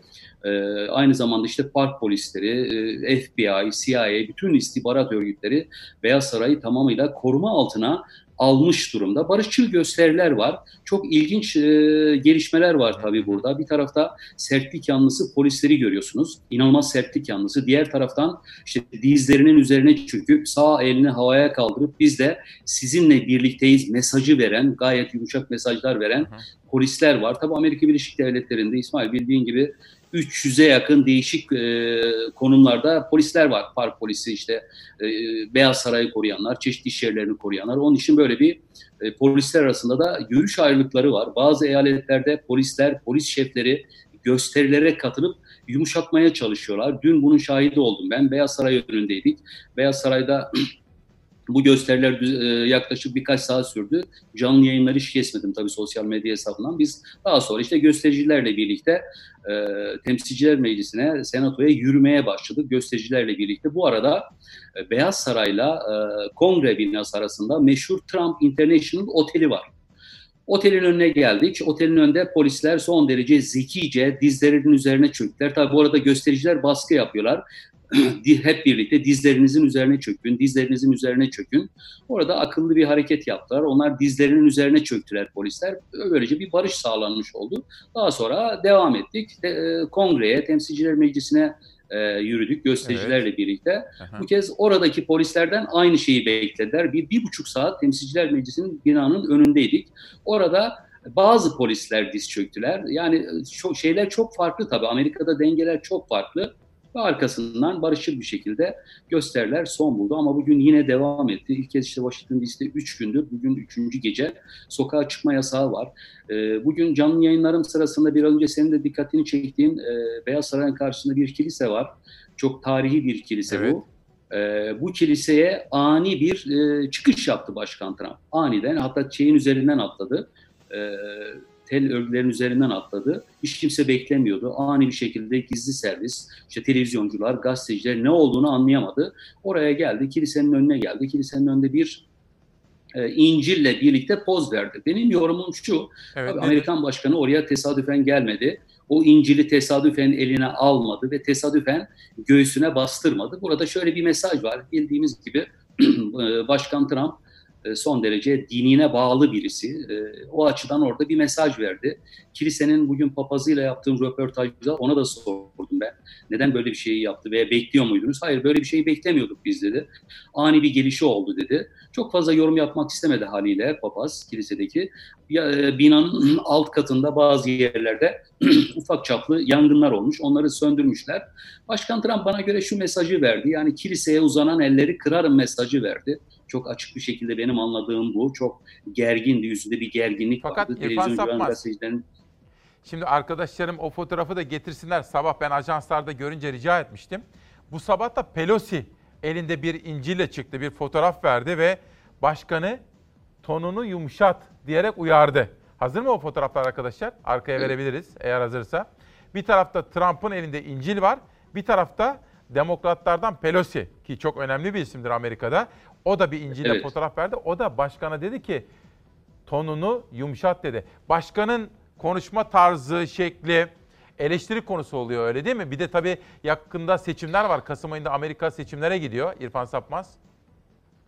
Evet 3 Kasım 2020 tarihinde Amerikan başkanlık seçimleri var. Tabii çok hassas bir dönem. Amerikan halkı bağımsızlığına ve demokrasiye çok düşkün. Şu anda e, beyazlarla birlikte işte siyahiler de şu anda Amerika'nın bütün eyaletlerinde, bütün hemen hemen 50'ye yakın şehirde sokaklarda beraber hareket ediyorlar. Onun için gerek başkan cumhuriyetçiler gerekse demokratlar John Biden ve diğer e, Demokrat Parti'deki diğer liderler e, bunu, bunu, bunu kullanmaya çalışıyorlar. Yani bu John George Floyd olayını kullanmaya çalışıyorlar. Başkan Trump bir taraftan yumuşak mesajlar verirken diğer taraftan da sert mesajlar veriyor. Eyalet e, valilerine, eyalet belediye başkanlarına çok açık bir şekilde şunu söyledi. Üzerinize düşeni yapın, gerekeni yapın. Siz yapmazsanız ben Genelkurmay Başkanı'nı sokaklara indiririm dedi. Washington DC'de ulusal muhafızları gördük bugün. Yani durum çok ciddi aslına baktığınız zaman. Fakat başkanlık seçimleri yakın olduğu için 3 Kasım 2020 tarihinde ona göre de dengeleri sertlikle yumuşaklık arasında sağlamaya çalışıyor Başkan Trump. Ama ses tonu genelde e, genelde sert ve katı e, e, İrfan, Pelosi'nin de söylediği gibi. Bu yaşanan gelişmeler, dünya çapında ilgi çeken bu olaylar Joe Biden'ın mı işine yarar, Trump'ın mı? Ne diyor Amerika'da gözlemler, analizler ne diyorlar? Bana göre şöyle, gözlemler, yorumlar şöyle. Yani bu krizi, bu George Floyd krizini e, başarılı bir şekilde atlatan, bana göre de böyle yorumlar da genelde başarılı bir şekilde atlatan öne çıkacak, öne çıkacak. Onun için bugün e, bir televizyonun birisinde bir polis şefiyle bir röportaj vardı. E, polis şefi şunu diyor, zaman sertlik zamanı değil, e, topluma yumuşak yaklaşmak lazım, yumuşak mesajlar vermek lazım. Trump'ı da tabii bu anlamda suçluyor o sert konuşmalarına karşı. E, şu anda e, hem demokratlar hem cumhuriyetçiler Amerikan seçimlerine yaklaşılan şu dönemlerde toplumu bir taraftan tabii demokratlar muhalefette olduğu için İsmail onlar çok daha rahat konuşuyor. İktidarda Trump olduğu için bir taraftan sertlik konuşmalarıyla topluma ülkeye çeki düzen vermiyor bugün bir tweet'i, tweet'i vardı. Çok ilginçti. Ben Amerika Birleşik Devletleri'nin başkanıyım. E, yasaları ve kanunları korumakla mükellefim. Altına da şöyle bir şey söylemişti. Teşekkürler Başkan Trump. Yani kendi tweetinde kendisine de bir teşekkür etmeyi ihmal etmemişti bu arada Trump. Ama görünen şu anda tabii çok erken kim kazanacak? Yani Trump kaybeder mi ya da John Biden e, Amerikan başkanı olur mu? Çünkü bütün e, dengeleri şu anda e, George Floyd olayı e, malum yönlendiriyor. İşte ikinci şeye düştü, dereceye düştü. Koronavirüs olayı yaklaşık 107 binlere yaklaştı hayatını kaybedenlerin sayısı. İşte biz de tabii kanımızda gazetecilik, televizyonculuk olunca bugün binlerce insanın arasında maskemizi taktık. Mecburen Beyaz Saray'ın e, hemen karşısındaki göstericilerin arasına karıştık. Hemen tabii işte arabaya bindiğimiz zaman jellerimizi artı işte eve gelir gelmez elbiseleri değiştirip gömlekleri çıkarttık. Bir korku içerisinde tabii e, olayları izliyoruz. Genelde insanlarda da bu korku var. Koronavirüse yakalanma korkusu var. E, Beyaz Saray'ın önünde e, tabii buna e, yönelik de bir takım önlemler alınmaya çalışıyor. Genelde evet. insanlar maskelerini takıyordu. Yani Amerika Birleşik Devletleri 3 Kasım 2020 tarihine seçimlere doğru giderken bir taraftan George Floyd'la bir diğer taraftan da koronavirüsle savaşıyor İsmail. İrfan Sapmaz, Küresel Gazeteciler Konseyi Washington DC temsilcisi çok teşekkür ediyorum. Kendine çok dikkat et oralarda. Yeniden haberleşmek üzere diyorum. Sağ ol, var ol. Çok teşekkür ediyorum. Çok sağ olasın. İşte bakın Amerika'dan canlı bağlantılar. Biraz sonra da Mehmet Ceyhan hocamızla konuşacağız. Koronavirüse ilişkin en son gelinen nokta. Biraz önce fotoğrafları tam olarak veremedik size. Bir tarafta Trump, bir tarafta Pelosi. Elinde şimdi verelim arkadaşlar. Çünkü aynı anda görüntüleri veriyorduk. Bakın şimdi Trump'ın bu fotoğrafı Amerika'da çok konuşuluyor. Biliyorsunuz evangelist olarak biliniyor kendisi. Bu İncil'li fotoğraftan sonra eleştiri oklarının da hedefinde fakat kendi taraftarlarını da adeta safları sıklaştırmaya çalışıyor. Hemen yanında demokratların en önemli ismi Nancy Pelosi, ABD Temsilciler Meclisi Başkanı'dır ve zaman zaman da Trump'la karşı karşıya gelen bir isimdir. Bakın biraz daha açılırsa fotoğraf, heh, ikisinin de elinde İncil var. Nancy Pelosi de dedi ki, Nancy Pelosi, ABD Başkanı'na söylemlerine dikkat et, yangına körükle gidiyorsun. Sesinin tonunu alçalt dedi. Böyle bir uyarıda bulundu efendim. Peki yerel gazetelere bir geçelim. Türkiye turuna çıkalım çünkü biraz sonra hocamızla konuşacağız. Bu arada yeni çıkan kitaplara da şöyle bakalım. Soylu'nun yaptığı açıklamayı da sizlere özetleyeceğim efendim. İktidarların sofrası, yemek, siyaset ve simgesellik Artun Ünsal'dan gelmiş. Bayağı kalın bir külliyat bizde. Çalar Saat kitaplığındaki yerini alacak efendim. Asker ve akademisyen Oktay Alnak, profesör doktor, yüksek mühendis yazmış ve imzalayarak bize gönderilmiş bir kitap efendim bu. Yerel gazetelere bakıyorum. Diyarbakır'dan İzmir'e yolculuk yapacağız. Diyarbakır, Tigris. Dersim'in kayıp kızları bulundu. Tartışmalara konu olan Dersim'in kayıp kızları ile ilgili tarihi belgelere Tigris haber ulaştı. Dersim'in kayıp kızları ile ilgili 1926 tarihli mahkeme kararını açıklayan Kürt tarihi araştırmacısı Kerem Serhatlı, eşleri, babaları idam edilen ya da hapis cezasına çarptırılan 83 kadın ve çocuğun Kayseri'ye gönderilmesinin belgelerini paylaştı. Aslında bunu ben 7 yıldır buradaydım. Demek ki 9 ya da 10 yıl evvel ben Akşam Gazetesi'nde görev yaparken o zaman da yazarımızdı Nihal Kemaloğlu. Ama yazarın adını hatırlamıyorum. Bu konuda bir takım çalışmalar yapmıştı. Dersim'in Kayıp Kızları. Bir kadın yazar vardı. Bir kitabı çıkmıştı da Nihal Kemaloğlu'nun da katkıları vardı orada. O tarihte biz ya bir dizi yaptık ya da manşet yapmıştık ama bulur, öğrenir size yarın anlatırım efendim. Dersim'in Kayıp Kızları Tigris'in manşetinde. Oradan Ege'ye geliyorum, İzmir. Hobi değil, tehdit.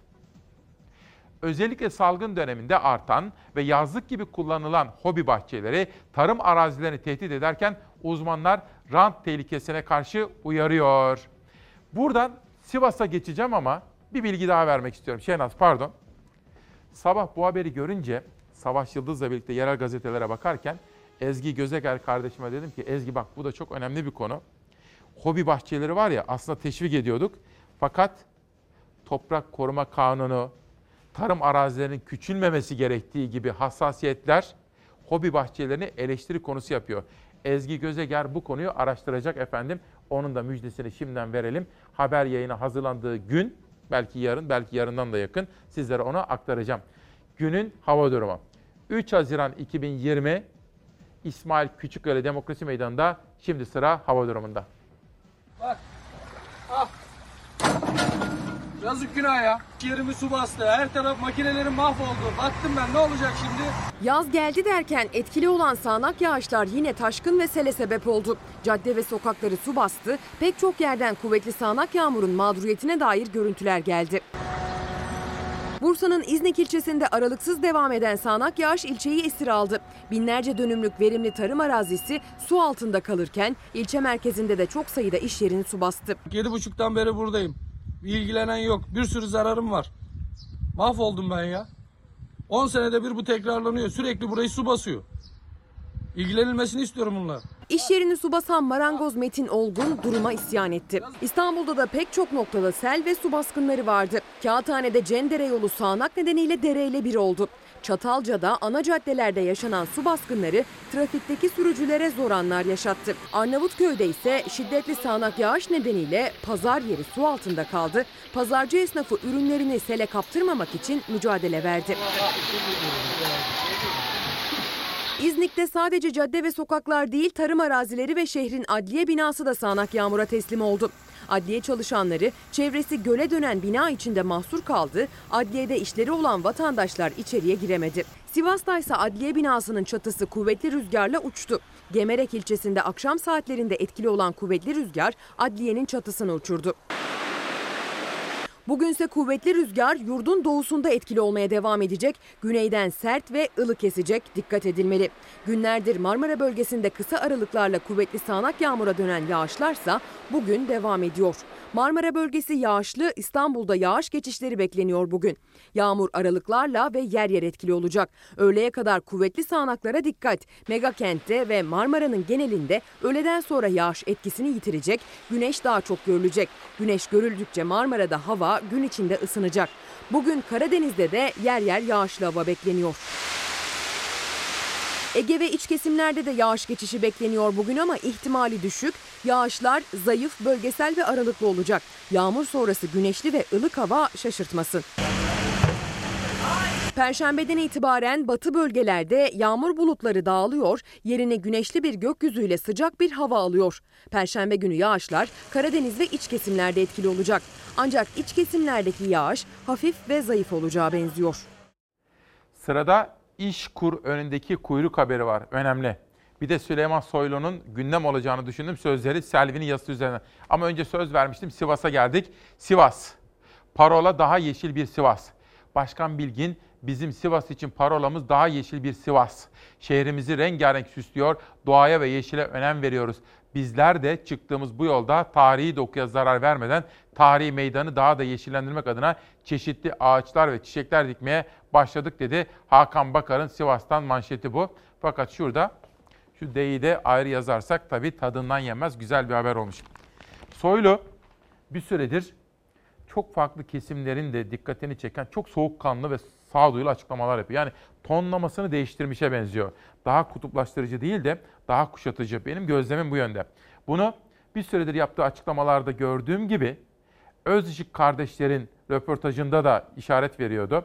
Hem İzmir'deki olay hem Adana Yüreğir'deki olay çok ilgi çekici, çok dikkatli bir üslup takınıyor. Soylu Abdülkadir Selvi'nin sorularını yanıtlıyor. Bakın bütün bu meydana gelen provokatif girişimler, işte Hrant Dink Vakfı'nı tehdit ediyorlar. Ermeni kardeşlerimizin gittiği bir kiliseye bir saldırı var. Veya Türk-Kürt kardeşliğini bozmaya çalışıyorlar. Soylu diyor ki bunu birliğe ve başarıya hasetlik diye tanımlıyor. Ama şurası önemli bakın. Lütfen dikkate takip edin. İktidarın aynı zamanda bu tür provokasyonlara önleme gibi bir görevi var. Ancak bu mücadele nasıl yapılacak? Yani provokasyonları nasıl önleyeceğiz? İçişleri Bakanı Soylu 3 noktanın altını çizdi. 1. Türkiye bir hukuk devletidir. Devletimizin gücü hukukun üstünlüğüdür. Çok çok önemli. Yani hukukun dışına çıkmadan mücadele edilecek. 2. İşkenceye sıfır tolerans bizim ilkemizdir.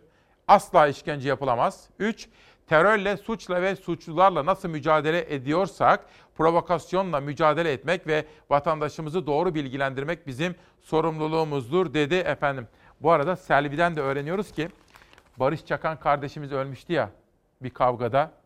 Onu da kullanmak istemişlerdi. Süleyman Soylu aileye taziyeye gitmiş. Onu da öğreniyoruz Selvi'nin bu yazısından. Memleketin can alıcı sorunlarından birisi kutuplaşma ise yine can alıcı sorunlarından birisi de ekonomik yoksulluk ve işsizlik. İşsizlik parası alacağım 1170 galiba.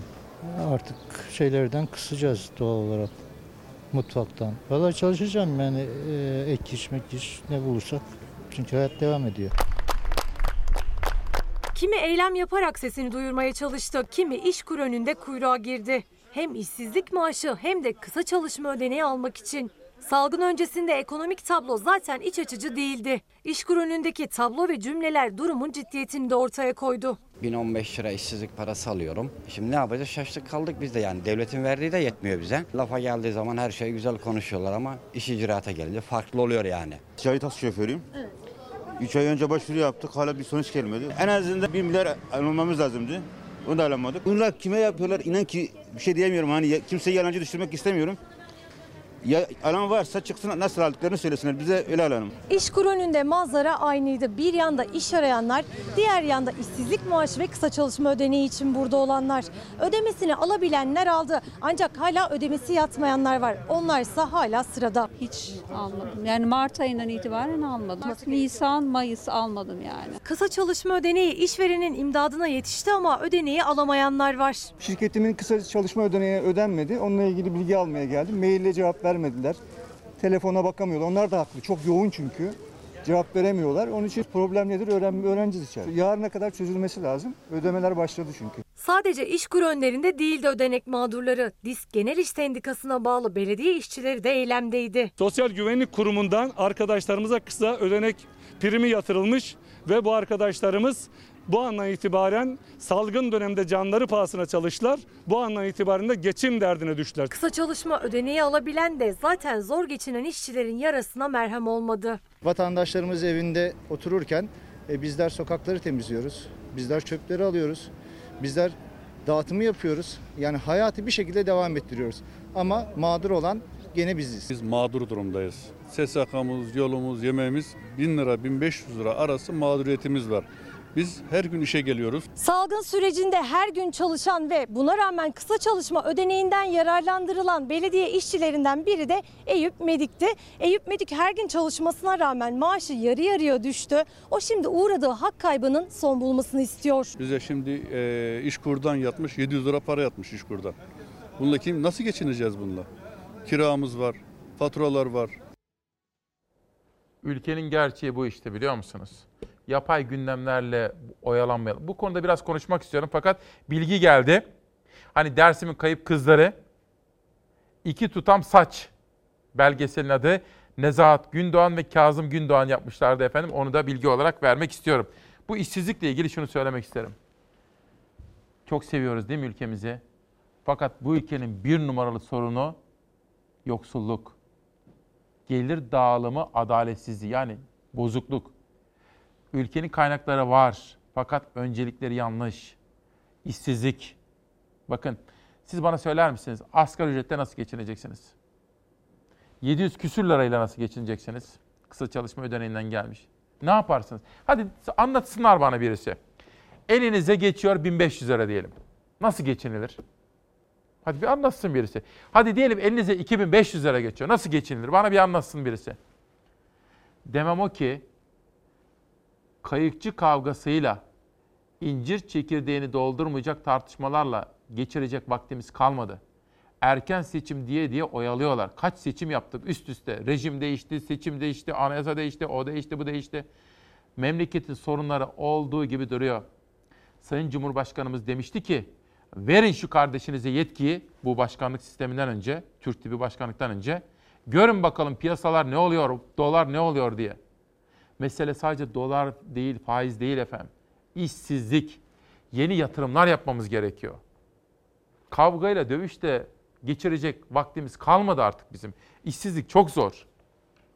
İki kitap tanıtım yapacağım. Sonra sizi bir haberle baş başa bırakacağım. Bu arada Çorum'a götüreceğim. İzmir Mavisi ve Tumbar yazmış, göndermiş. Hüzün turizmi Hande Akyurt Kurnaz ve Burhan Kılıç hocalarımız yazmış ve göndermişler efendi.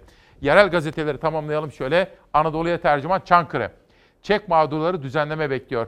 Af ve infaz yasasında çek mağdurları kapsama alınmadığı için çekini ödeyemeyen 250 bin kişi düzenleme bekliyor. Geçiyorum Zümrüt Rize gazetesi. Cumhuriyet Halk Partisi Artvin Milletvekili Uğur Bayrak tutan çay üreticisi geleceğe dair kaygılar taşıyor ve çay üreticisi hükümetten ve Tarım Bakanlığı'ndan ilgi istiyor, destek bekliyor. İncir üreticisinin sesini duymak üzere Aydın'a geçiyoruz ve ses veriyoruz. İncire prim desteği istediler.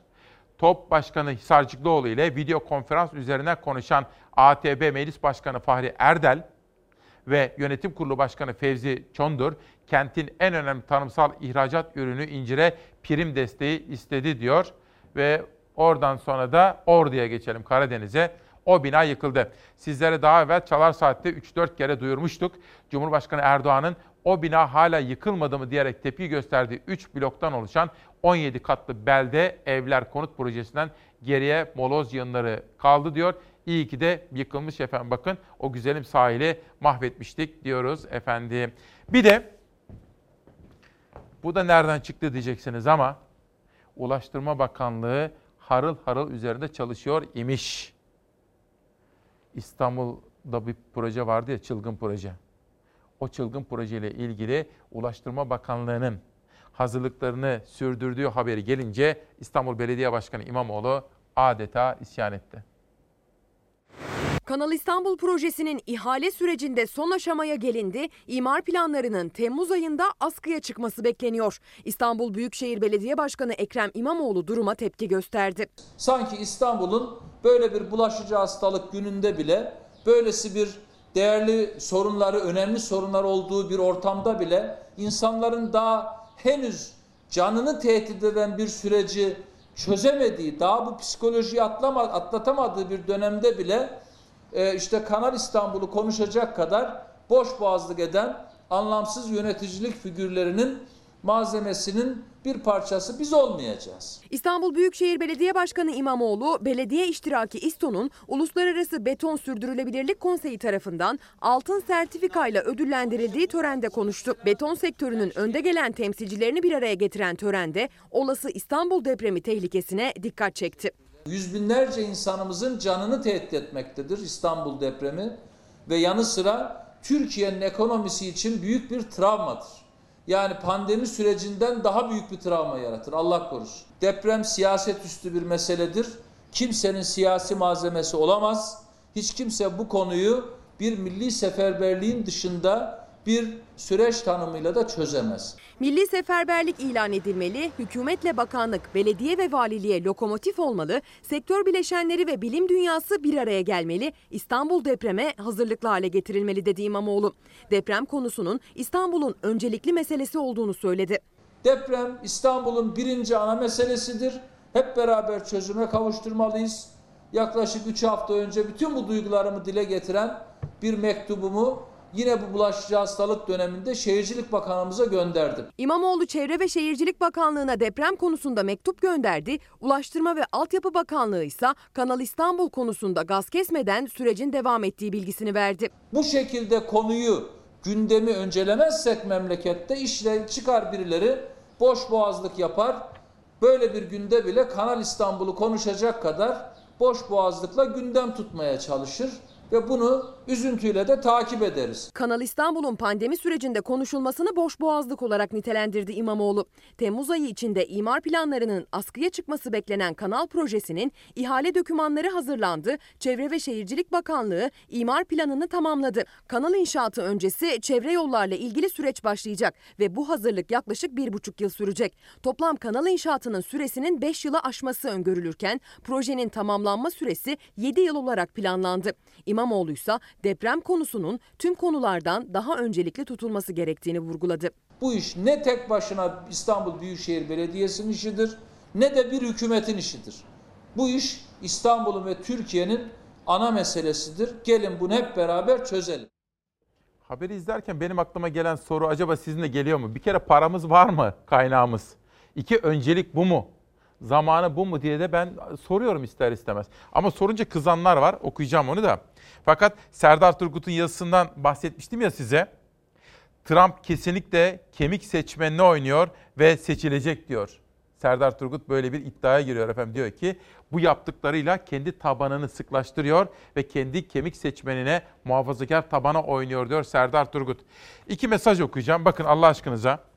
Şimdi biz tabii görevimizi yerine getirmeye çalışıyoruz değil mi? Kimselere yaranmak gayreti içinde olmadan. Bakın iki mesaj. Selda Gökgöz diyor ki abim iyi ki varsın seni çok ama çok seviyorum diyor. Adamsın diyor. Estağfurullah görevimizi yapıyoruz. Fakat Hasimet Toprak da ülkeyi karalamayı bırak. Ya o beğenmediğin Erdoğan olmasaydı hiç hesap ettin mi? Yalakalıktan vazgeç. Aileyin yüzüne nasıl... Bir kere cümleler bozuk. Türkçemize özen göstermiyor. Bunu öğrenmesi lazım bu güzel kardeşimin. Hasimet Hanım, önce Türkçemizi öğrenin, dilimize saygı duyun.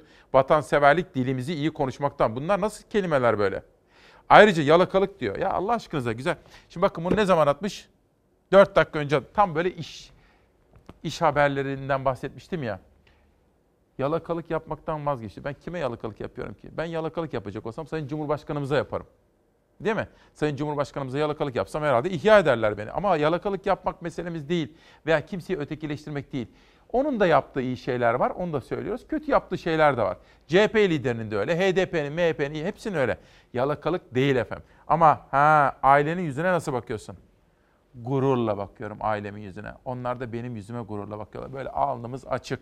Çünkü görevimizi yapıyoruz. Değil mi? Görevini yapan insan iç huzuru içindedir efendim. Çocuklar için nutuk.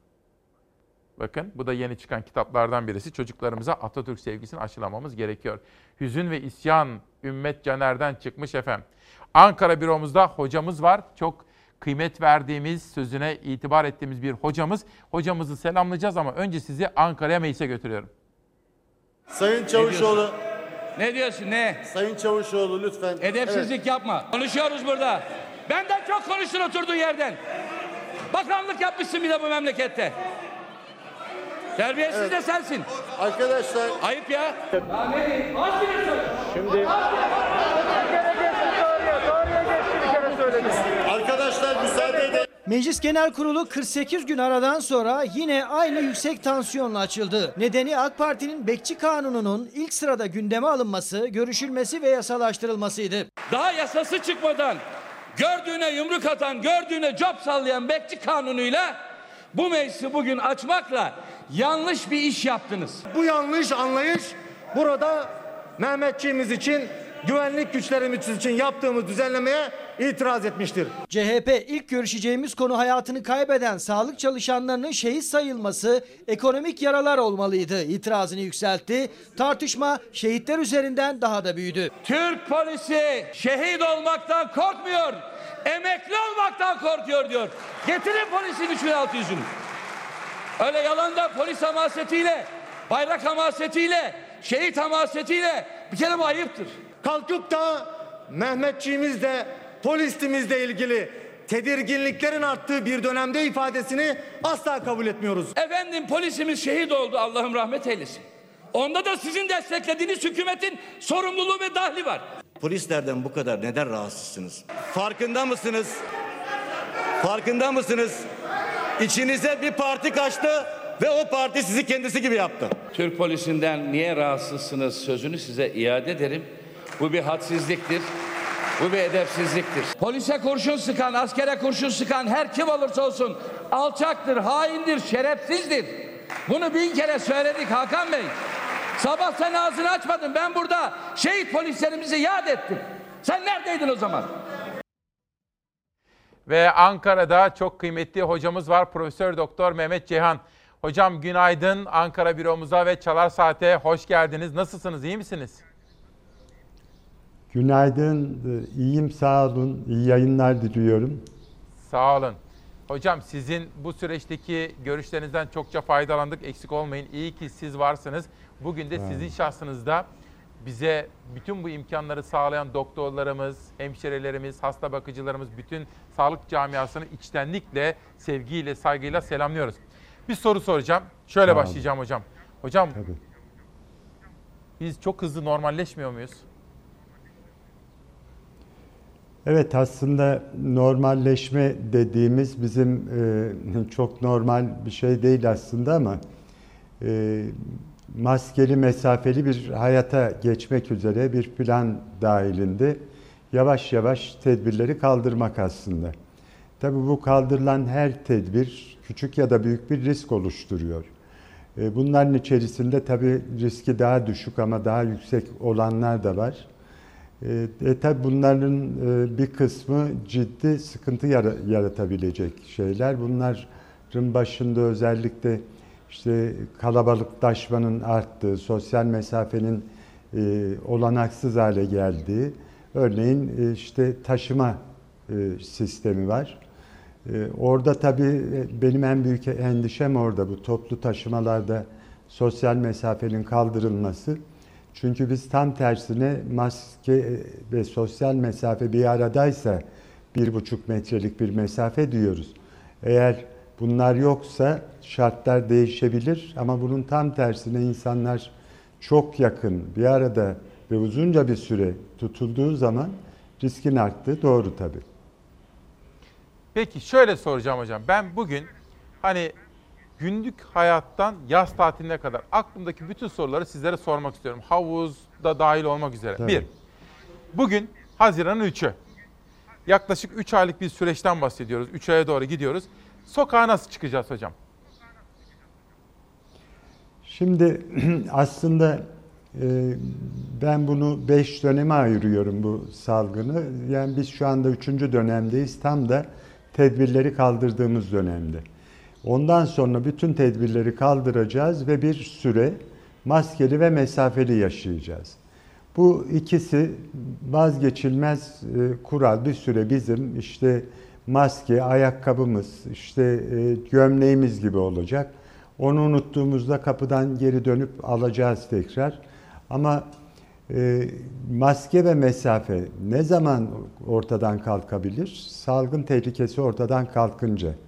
Mesela bunu Çin yaptı. İşte Wuhan'da 11 milyonluk şehirde 10 milyon test yaptılar. 300 tane e, belirtisiz virüs taşıyan insan tespit etti ve onları izole etti. Artık burası virüsten arındırılmış bölge dedi. Öyle bir ortamda maskeyi ve mesafeyi bırakabilirsiniz. Ama ona epeyce zamanımız var. Ben e, bunun 4 ile 6 aydan daha kısa olmayacağını düşünüyorum.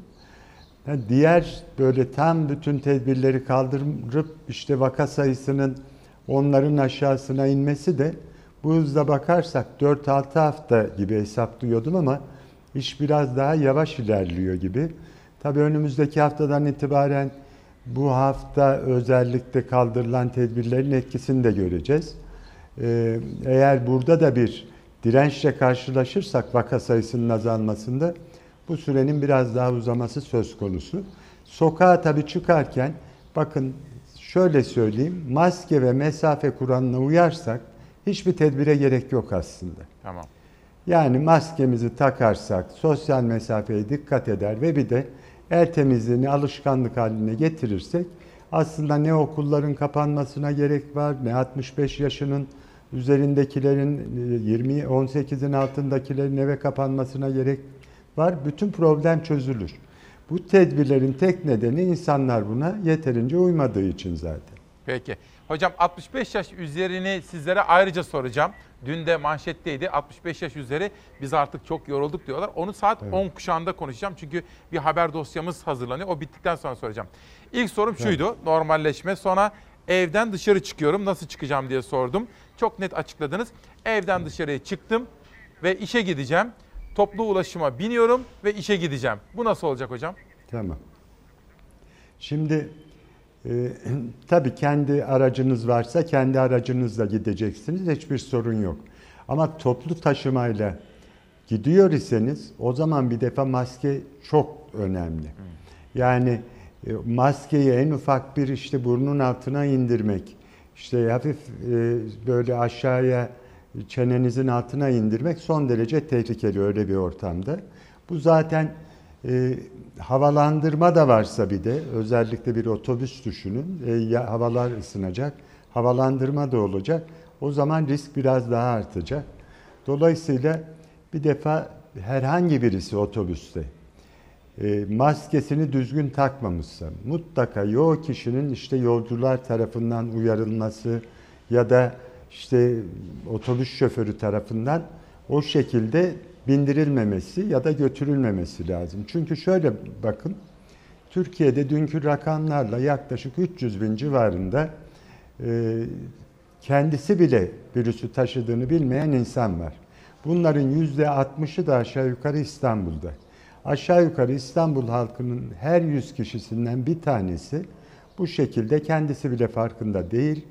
Ya şikayeti yok işte o yüzden hekime gitmemiş ya da öksürüğü var, ateşi yok, ateşi var, öksürüğü yok diye test kriterleri uymadığı için test yapılmamış insan var. Şimdi bunlardan birinin yani bu her 100 kişiden birinin işte 40 kişinin bindiği bir otobüste olma ihtimalini düşünürseniz aşağı yukarı her 2-3 otobüse binişinizde böyle biriyle karşılaşabilirsiniz. Bu kişi eğer maskesini düzgün takıyor ise sorun azalıyor ama ortadan kalkmıyor. Yani %97 o taktığı maske virüsü dışarı atmasını önlüyor. Ama bir de bunun maskeyi düzgün takmadığını düşünün. Sizin taktığınız maske sizi ancak %30 koruyor. O yüzden birinin bu şekilde maskesiz ya da maskesi açık durması çok büyük bir tehlike oluşturuyor. Mutlaka uyarılması lazım. Yani o toplu taşımada bizim takmamız, e, başkasının takmaması çok bir anlam ifade etmiyor açıkçası. Hocam o zaman benim anladığım bu. Maskeyi biz böyle önümüzdeki bayağı uzun bir süre takmaya devam edeceğiz değil mi? Evet. Yani bu bir e, işte artık bu salgın tehlikesi bitti. Bu hastalık bitti ya da devam ediyor ama salgın özelliğini yitirdi diyene kadar bu belli bir mesela Türkiye bu işi halledebilir ama dünyada devam edebilir. O zaman sınırlarda işte o ülkeyle ilişkilerinize tedbirler alırsınız ama kendi bulunduğunuz yerde rahat maskesiz yaşayabilirsiniz. Ben bunun aşağı yukarı bir işte işler iyi giderse bir yanlışlık yapmazsak 4 ile 6 ay arasında bir süre alacağını düşünüyorum. Peki. Sevgili hocam, Mehmet Ceyhan hocam. Peki mesela bir tiyatroya, bir sinemaya, mesela bir düğün yapacağım diyelim. Yapabilecek miyiz kapalı mekanlarda? Şöyle söyleyeyim bir defa hayatımızda bu maske, mesafe olmadan işte olur mu falan diye bir düşünce aslında olmamalı. O bahsettiğim tarihe kadar. Bu şartlara uyduktan sonra dediğim gibi her şey yapılabilir. Yani işte düğün mesela yapılacaksa her zaman bu gibi aktivitelerde açık havayı tercih etmek lazım. Ama diyelim ki kapalı bir alanda bulunmak zorundasınız. İşte bu bir düğün, nişan olabilir. Doğum günü partisi olabilir. Evet. Ya da işte herhangi bir yerde restoran içinde geçerli bu. Eğer maske takıyor ise herkes bir buçuk metre mesafeye dikkat ederek bunlar yapılabilir. Bu şu anlama geliyor. Düğünlerde böyle halay çekmek, dans etmek falan bunlar maalesef bu dönemde olmaması gereken şeyler. Ee, ama bu şekilde yapılabilir. Şimdi tiyatro salonlarında da gene oturma düzeni önemli. Hani birisi diyebilir ki ya şeyde dolmuşta otobüste bir de ayakta yolcu da dahil işte sık tıkış bıkış gidiyoruz. Sinema salonunda niye öyle oturuyoruz? Ama bu şuna benziyor hani işte ya bir kuralı bir defa bozdum diğerlerinde bozsam bir şey olmaz diye. Hayır her yapılan bu riski biraz daha artırıyor. Onun için biz elimizden geldiği kadar bunu minimuma indirmek zorundayız. Dolayısıyla bunun şartları yerine getirerek aslında sinemaların, tiyatroların açılmaması için de bir neden yok. Peki. Sevgili hocam, şimdi bir reklam arasına gideceğiz ama bugün aynı zamanda Nazım Hikmet'in de anma günü. Onu anacağız. Bu arada Tülay bizim Ankara temsilcimiz, arkadaşımız, kardeşimiz size bir kahve ikram etsin. Reklamlardan sonra devam edeceğiz. Özellikle evet. 65 yaş üstüyle ilgili sormak istediğim sorular var. Sizden almak istediğim mesajlar var efendim. Hocamıza döneceğiz ama bugün günlerden Nazım Hikmet. Başım köpük köpük bulut, içim dışım deniz. Ben bir ceviz ağacıyım Gülhane Parkı'nda. Budak budak, şerham şerham, ihtiyar bir ceviz. Ne sen bunun farkındasın, ne polis farkında. Ben bir ceviz ağacıyım Gülhane Parkı'nda. Yapraklarım suda balık gibi kıvıl kıvıl. Yapraklarım ipek mendil gibi tiril tiril. Koparıver gülüm, Gözlerinin yaşını sil. Yapraklarım ellerimdir. Tam yüz bin elim var. Yüz bin elle dokunurum sana, İstanbul'a. Yapraklarım gözlerimdir. Şaşarak bakarım. Yüz bin gözle seyrederim seni, İstanbul'u. Yüz bin yürek gibi çarpar, çarpar yapraklarım. Ben bir ceviz ağacıyım, Gülhane Parkı'nda. Ne sen bunun farkındasın? ne polis farkında. Ben bir ceviz ağacıyım Gülhane Parkı'nda. Ben bir ceviz ağacıyım Gülhane Parkı'nda. Ne sen bunun farkındasın ne de polis farkında Ne sen bunun farkındasın ne de polis farkında Ben bir ceviz ağacıyım Gülhane Parkı'nda. Ben bir ceviz ağacıyım 3 Haziran 2020 Çarşamba sabahında İsmail Küçükkaya Demokrasi Meydanı'ndasınız efendim. Günaydın, hoş geldiniz. Profesör Doktor Mehmet, Mehmet Ceyhan hocamızla sohbetimizi sürdüreceğim. Ona sormak istediğim sorular var. Sizlerden gelen çok yoğun sorular var. Mesela Zeynep Hanım demiş ki havuza gireceğim hocamıza sorar mısın? Denize gideceğim hocamıza sorar mısın diyenler var. Çocuğumu kreşe göndermeli miyim? Bakın çocukları kreşe göndermek riskli mi diye bir soru var. Bugün Sözcü Gazetesi'nde gördüm. Bunun dışında pek çok sorular birikti. 65 yaş üstündekiler Atol Behramoğlu bizi izliyor şairimiz. Hocamıza sormamız istedi, istediği 65 yaş üstüne ilişkin bir haber var. Bu arada Şeynaz'la Savaş Yıldız arasında da bayrak devir teslimi yapıldı. Savaş Yıldız yönetmen koltuğuna geldi. Önce bir haber hocamıza sormak üzere. Ondan sonra sohbetimiz başlıyor. Ya böyle de oyun mu oynanır ya? Nerede o eski okeyler ya? Kahvehaneler açıldı ama okey'e yasak devam ediyor. Müşteriler çareyi cep telefonlarından karşılıklı okey oynamakta buldu. Hani fark eden bir şey yok. Sadece taşları biz alıp atmıyoruz. En azından sanal alemde taş alamıyoruz.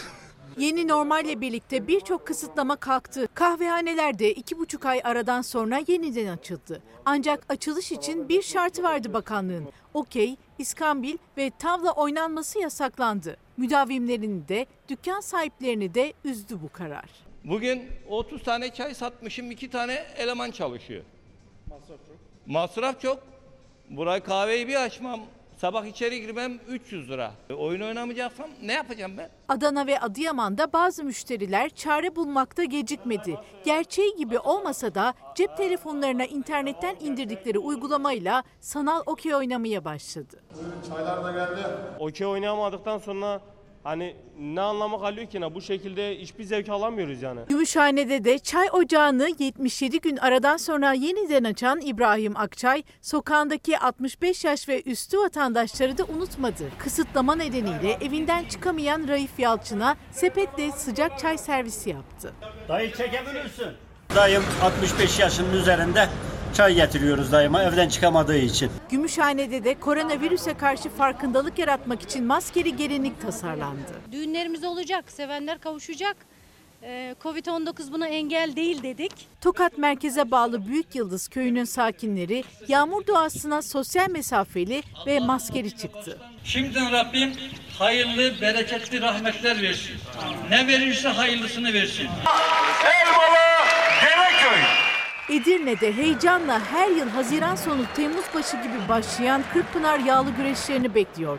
Tarihi güreşlerin bu yıl nasıl ve ne zaman yapılacağını 5 Haziran günü düzenlenecek olan toplantı belirleyecek. Son kararı bilim kurulu verecek ancak belediye başkanı Recep Gürkan sembolik de olsa güreşlerin yapılmasından yana.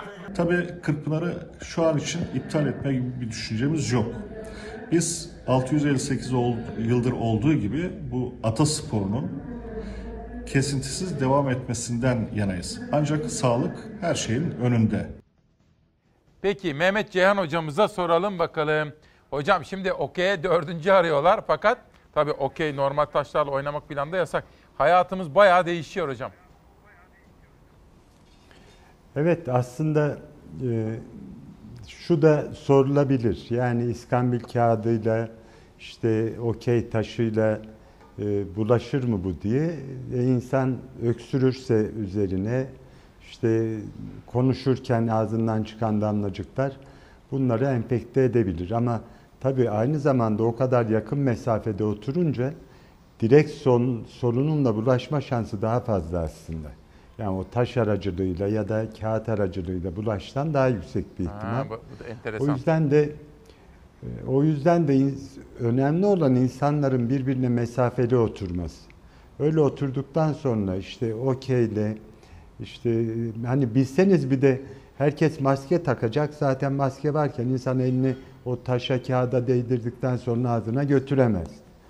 Önemli olan o. Yani burada tabii e, bazı şeyleri de hani işte yapılabilir e, şekle getirmek zorunda kalıyorsunuz. E, orada e, kahvehanenin sahibi de öyle bir yol bulmuş. İnternetten oynuyorsanız da insan evinden de oynayabilir.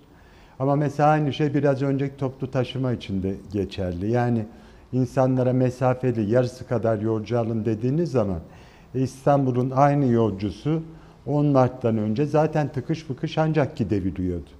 Şimdi onlara yarı binin deyince geri kalan yarısı e, nasıl gidecek işine? Doğru. Bence orada mesafeli, e, kademeli mesai gibi bir çözüm bulunabilirdi. Yani iş yerleri dörde beşe bölerek 8, 9, 10, 11 gibi e, o şekilde olabilirdi. Böyle bir şey yapmadan hani ben böyle bir tedbir koyduğunuzda işlemiyor zaten. Peki. Kahvehanenin de bu şekilde işlemesi mümkün değil. Kapanır zaten böyle. Anladım.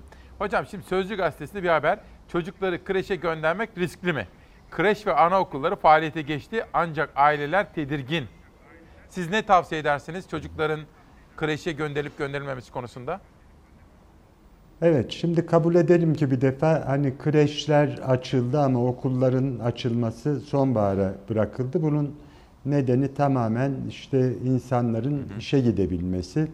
Çünkü küçük çocuğu olan anne babalar çalışıyorsa e, mecburen bir yere bırakacaklar. Şimdi ne kadar risklidir bu ortam diye düşünürseniz yani riskli mi risksiz mi sorusu zaten sorulmamalı. Mutlaka her şeyin bir riski var ama ne kadar risklidir diye sorarsanız açıkçası şöyle. Şimdi bu çocukların birinci e, problemi maske takma problemi. Tabii ki 2 yaşın altına zaten biz maske takılmasını önermiyoruz ama onun üstünde de sıkıntı olacaktır. Şimdi bir yerde biz bu kuralı şöyle söylüyoruz. Maske ve varsa mesafe bir buçuk metre, maske yoksa en az iki metre olmalı.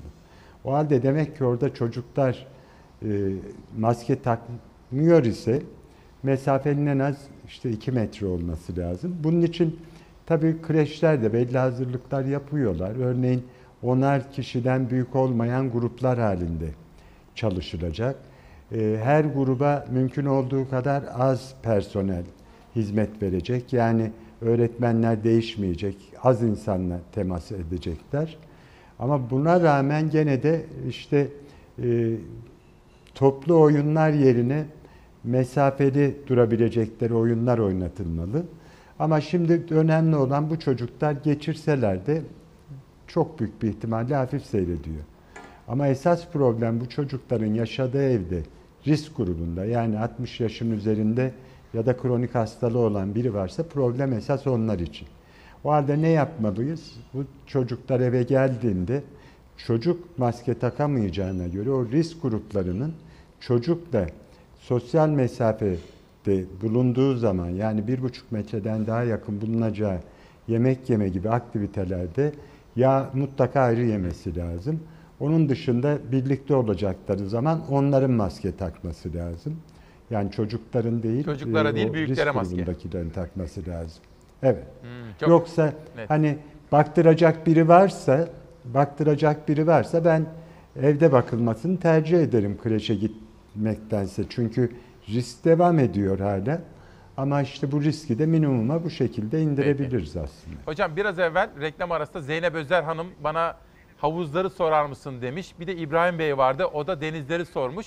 Denizleri aslında çok açıkladınız ama Evet. havuzla başlayarak bir açıklama yapabilir misiniz? Tabii şöyle söyleyeyim bir defa biz havuz suyundan virüs bulaşacağını pek düşünmüyoruz. Böyle bir vaka gösterilmemiş ama esas orada da bizim korkumuz aynen işte e, alışveriş merkezleri gibi ya da işte e, kuaförler, restoranlar gibi insanların solunum yoluyla birbirine virüs bulaştırması ve özellikle havuz, deniz kenarlarında çok ortak kullanılan yer olduğu için işte tuvaletler, soyunma kabinleri, kapı kolları, şezlonglar bunların mümkün olduğu kadar işte oradan almasını engellemek. Şimdi havuzda tabii bir de klor işi var. Ee, biliyorsunuz havuzlar klor ya da bromit solüsyonlarıyla temizleniyor. Şimdi klor eğer uygun kullanılırsa e, aslında virüsü öldürücü özelliği de var. Ama bu tabii bir vakit alıyor. Yani insan öksürdü hemen içine düşen virüs ölmüyor. Onun için hemen arkasından gider ağzınıza burnunuza alırsanız teorik bir riski var ama suyun içinde diliyor olacağı için yani bir e, böyle birkaç saniye içinde gitmezseniz herhangi bir tehlike yok. Klor miktarı da havuz suları için minimum 1 miligram bölü litre olmalı. Sauna benzeri yerler için ise en az 2 miligram bölü litre olmalı. Bunları mutlaka havuzlarda her günlük ölçüm yapıp bir yere asmalılar sorumluları. Bunu otel e, havuzları da dahil. Deniz hocam, denize bu sene tatile gidecek miyiz? Ne yapacağız? Şimdi şöyle söyleyeyim. e, Ben aslında bu gidişlerde deniz kenarlarından, havuzlardan çok oraya gidiş e, nedeniyle endişe duyuyorum. Yani yolculuk esasında başlı başına bir risk. Dolayısıyla oradaki risk aslında daha fazla. Ama gittiğiniz yerde de şuna bakmak lazım. Ee, Özellikle risk grubu için yani herhangi bir risk grubunda değilse insan, yaşı gençse, 60'tan daha düşükse, işte kronik hastalığı yoksa e, çok düşünmesine gerek yok. Ama özellikle bu grubun gittiği yerde sağlık altyapısı yeterli mi diye bakmasında yarar var. Çünkü biliyoruz ki özellikle kıyı kasabalarında işte 100-150 bin olan kışın nüfus yazın 3 milyonu geçiyor. Ve üstelik onlar da açıkladılar. Yani bir yerde 28 yoğun bakım yatağı var. Birinde o bile yok.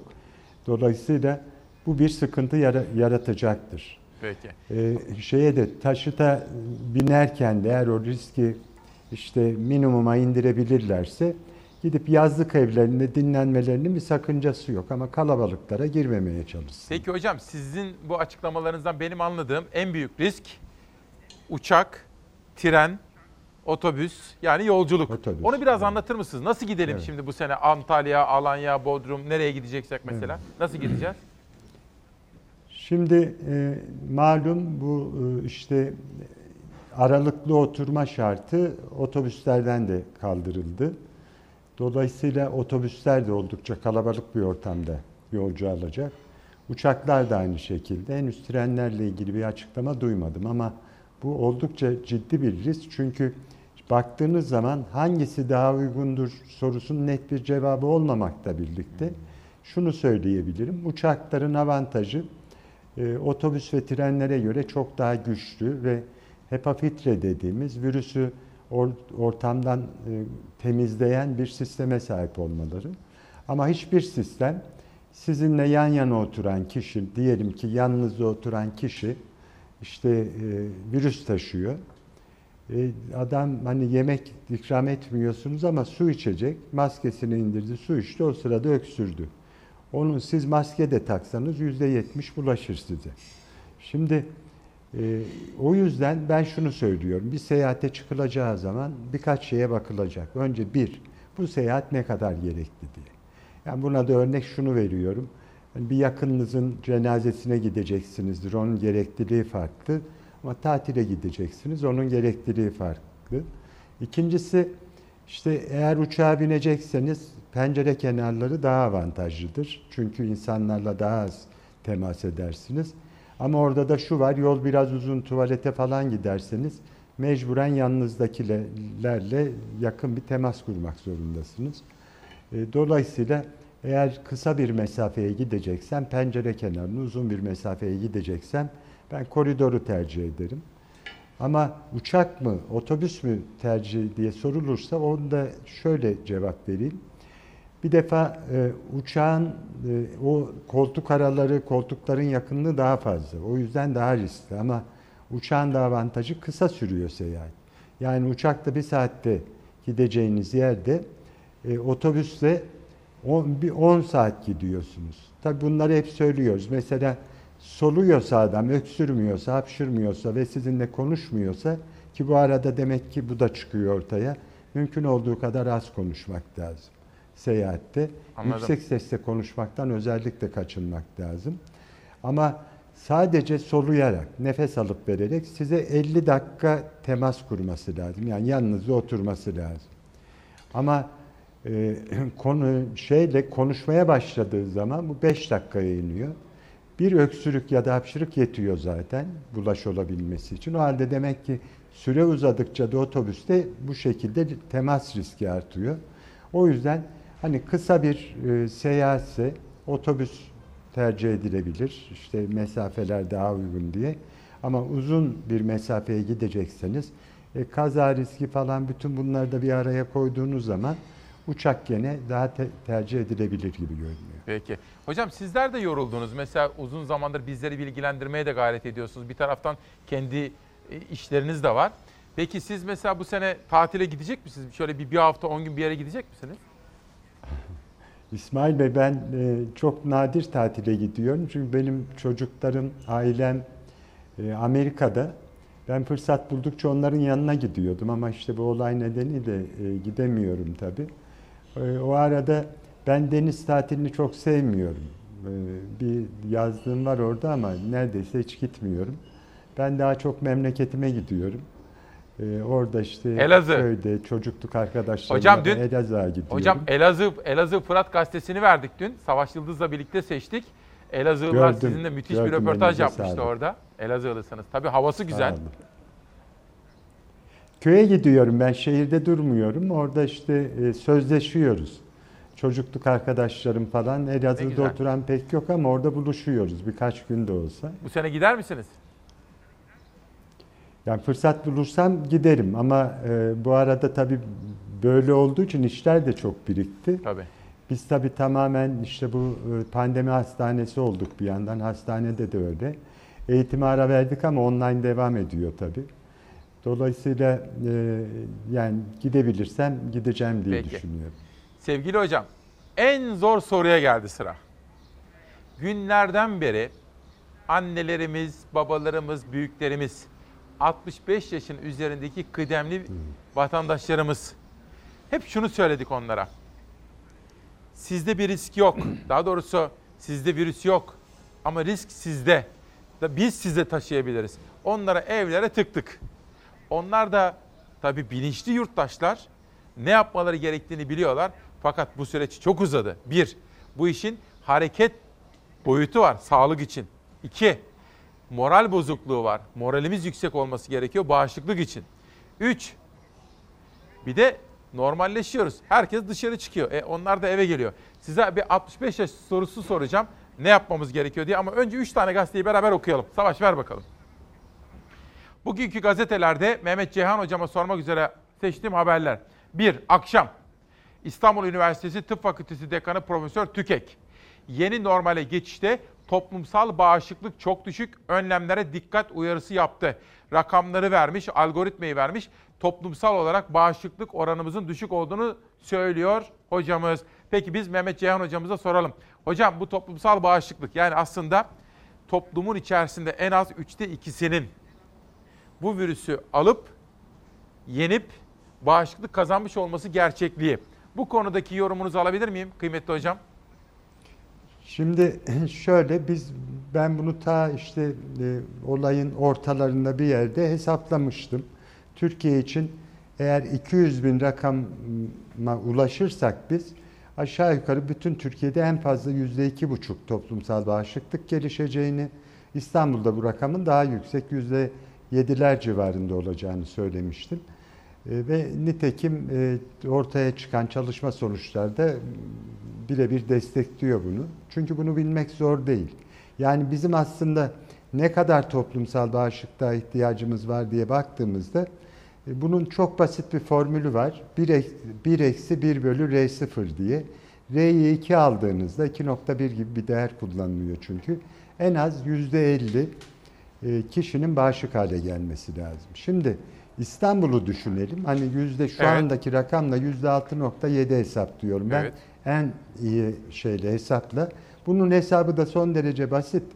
Ak- e, Toplam vaka sayısına bakıyorsunuz. Onun toplam 10 katı kadar kişi bunu işte belirtisiz de olsa tanı konmadan geçirmiştir diyorsunuz ve sonra nüfusa bölüyorsunuz. Şimdi burada %6.7 iken İstanbul'un en az bu büyüklükte yani e, işte şimdi şu yaşadığımız büyüklükte 7 tane salgın dalgası geçirmesi lazım ki yeterli bağışıklık olsun. Oo, 7 dalga. Türkiye için bu rakam dalga daha. Evet. Yani Türkiye için bu rakam en az 25 dalga yaşaması lazım ki toplumsal bağışıklık olsun. O halde toplumsal bağışıklık bir hayal. Yani bu bir de kaldı ki diğer virüslere göre zayıf bir bağışıklık bırakıyor. O, dalgalar yaşanmaya başladığında e, ilk geçirenlerin bağışıklığı bitip yeniden onlar hassas hale gelebilir. O yüzden evet salgının işte bitme e, kuralların şanslarından üç tane e, şarttan bir tanesi bu. Ama bu bir hayal. Bunu unutacağız. Bunda Peki. toplumsal bağışıklık gelişmeyecek. Ya, ya aşıyla olacak bu iş ya da mutasyonla. Aşının gelişme, geliştirilip uygulanma şansı da en fazla yüzde beş. Yani öyle bir aşı geliştireceksiniz. Hem etkili olacak, hem ucuz olacak. Bütün dünyanın en az yarısına yapacaksınız ve uygulayacaksınız. Bu yüzde beş kadar bir şansı var. En büyük ümidimiz mutasyona uğraması virüsün. Ben bunun gerçekleşeceğine inanıyorum. Peki. İki seneye kalmadı. Yani günün birinde şu yaşadığımız diğer gripler gibi olması için aslında bu virüsün de mutasyona uğraması gerekiyor. Hocam işte en zor Evet. soruya geldik. Arkadaşlarım kısacık bir haber hazırladılar. 65 yaş üstüyle ilgili. Günün en zor sorusunu şimdi soruyorum size.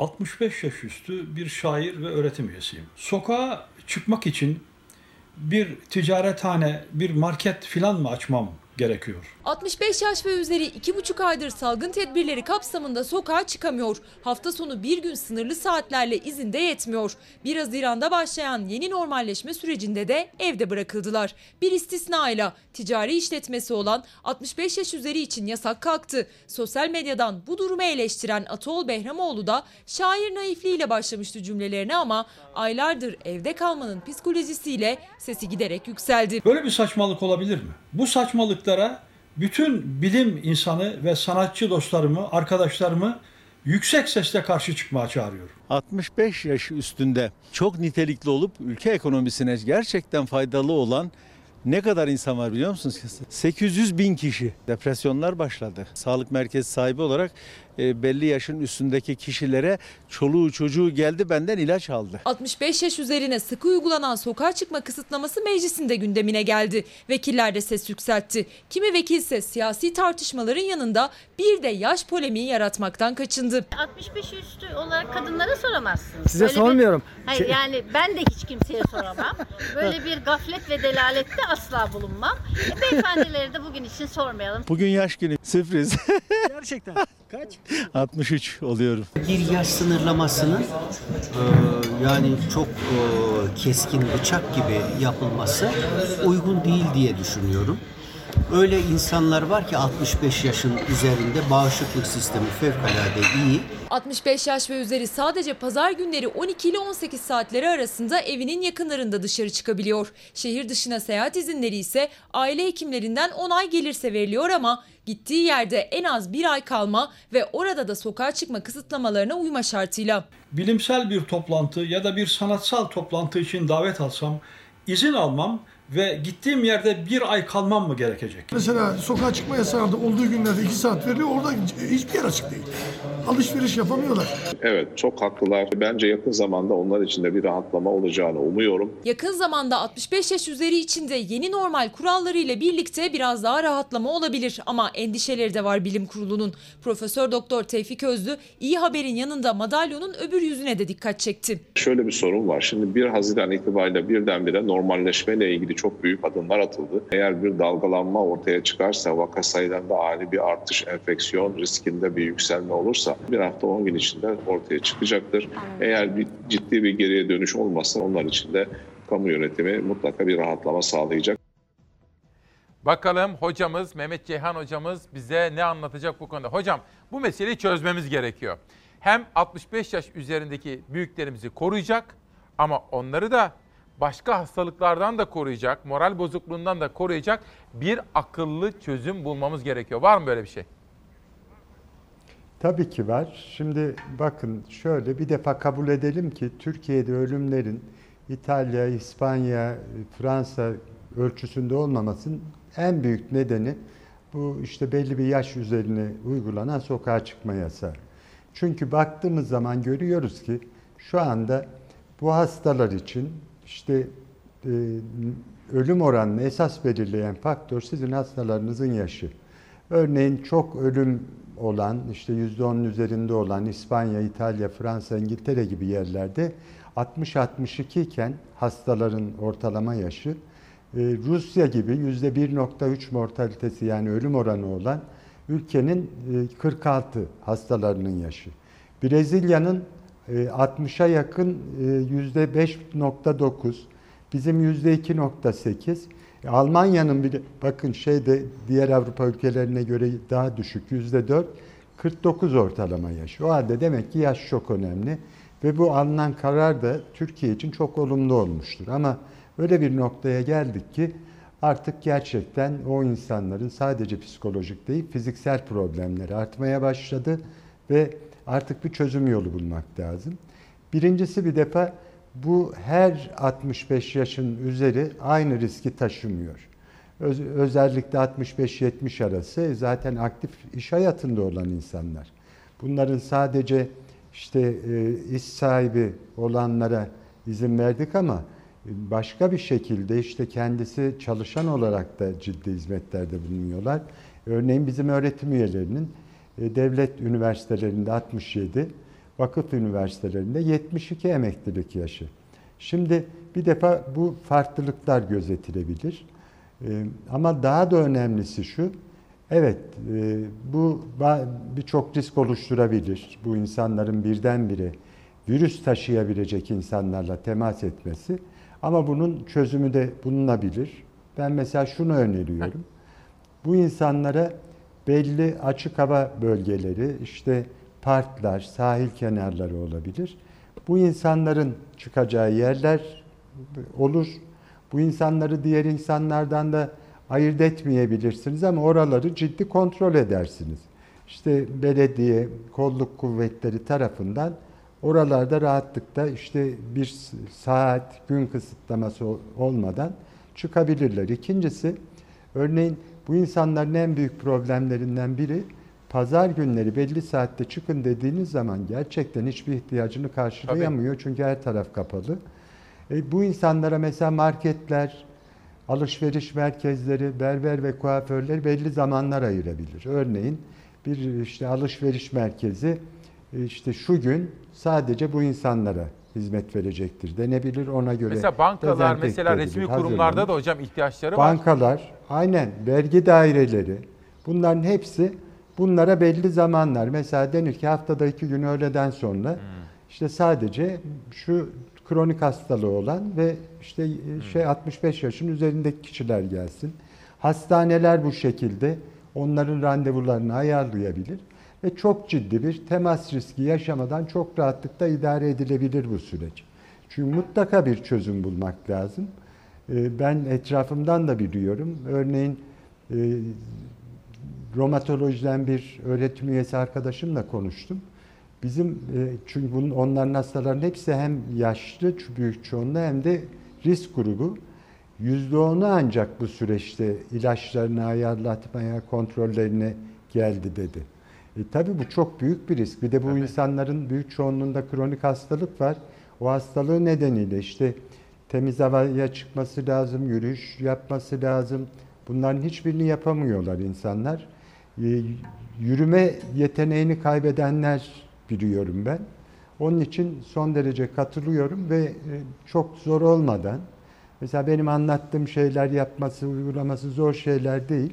Yapılabilir. E, bu şekilde toplumla da temas ettirmezsiniz yapılabilir diye düşünüyorum. Yapıcı bazı çözümler ha, bir mümkün. De bunların araba kullanmaları mesela. E, o insanlar sokağa çıkarıyorsunuz ama arabası da kendi arabası olan mesela arabasıyla bile bir yere gidemiyor. E, bu hiçbir riski olmayan bir iş mesela. Aslında. Gidebilsin mi? Yani gittiği yerde tabii ki gidebilsin. Yani o insan arabasıyla zaten gidiyordu bu 10 Mart'tan önce. Şimdi de gitmesinde hiçbir sakınca tamam. yok. Yani şehir dışına çıkması onun takibinizi zorlaştırıyorsa ki aslında şu anda devletin düzeni son derece bunu takip etmeye uygun. Bir aile hekimine gidiyorlar zaten. Onun kontrolüne giriyorlar. Ama en azından şehir içerisinde arabalarını kullanmalarında falan da bir sakınca yok bence. Yani biraz rahatlasın. Hocam şimdi İzmir Tabip Tabii. Odası'ndan Ergun Demir bir soru soruyor. Önemli kitlesel bir soru kamu kurum ve kuruluşlarında görev yapıp kronik rahatsızlığı bulunan çalışanlar idari izinli sayılıyorlar. Buna rağmen özel sektörde, fabrikalarda, atölyelerde, şantiyelerde çalışan ve kronik hastalığı bulunan aylardır çalışmayan ve ücret alamayan işçiler idari ve ücretli izinli sayılmadığı gibi bu işçilerin hangi koşullarda çalışma hayatına katılabileceği ve alınması gereken önlemler konusunda da bir bilgilendirme yapılması gerekmez mi hocamıza sorar mısın diyor. Evet.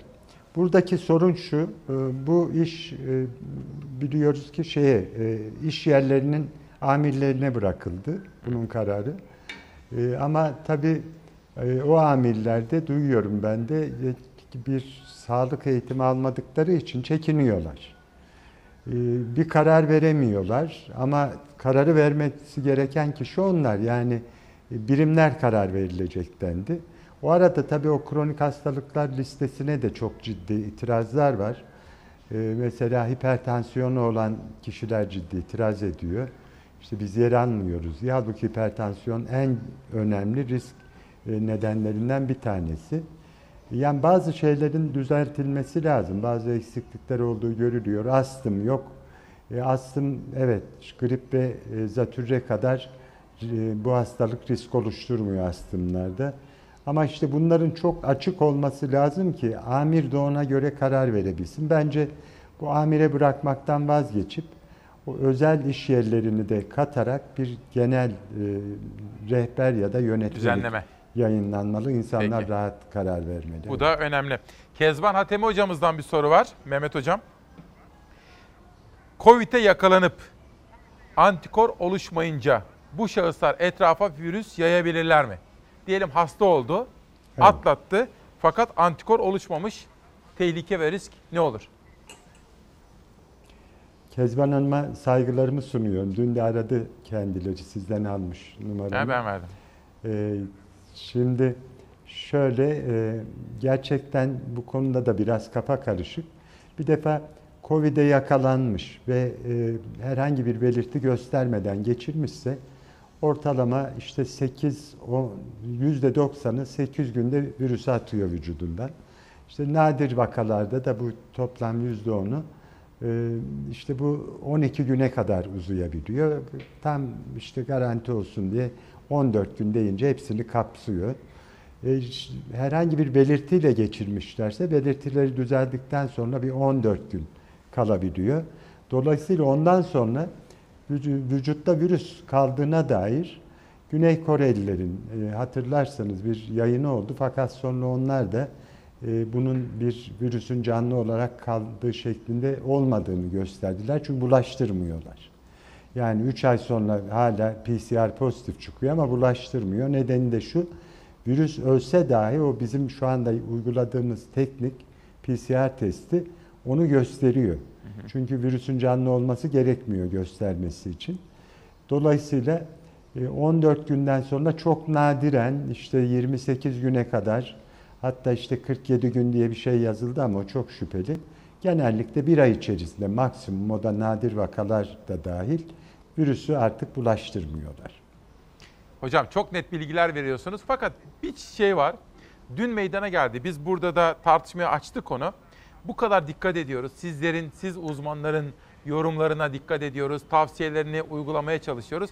Fakat alınan bir karar. Savaş hazır mı o? Toplu ulaşım, mesela minibüsler, otobüsler, metrobüsler bu yüzde elli sınırlaması vardı. Hani sosyal mesafeyi de koruyabilmek için. Evet. Bu konuda alınmış bir karar bizim kafamızı karıştırdı. Kısa bir haberimiz var. İzleyelim sonra sizin yorumunuzu merak ediyorum. İçişleri Bakanlığı'nın genelgesini sen bahset.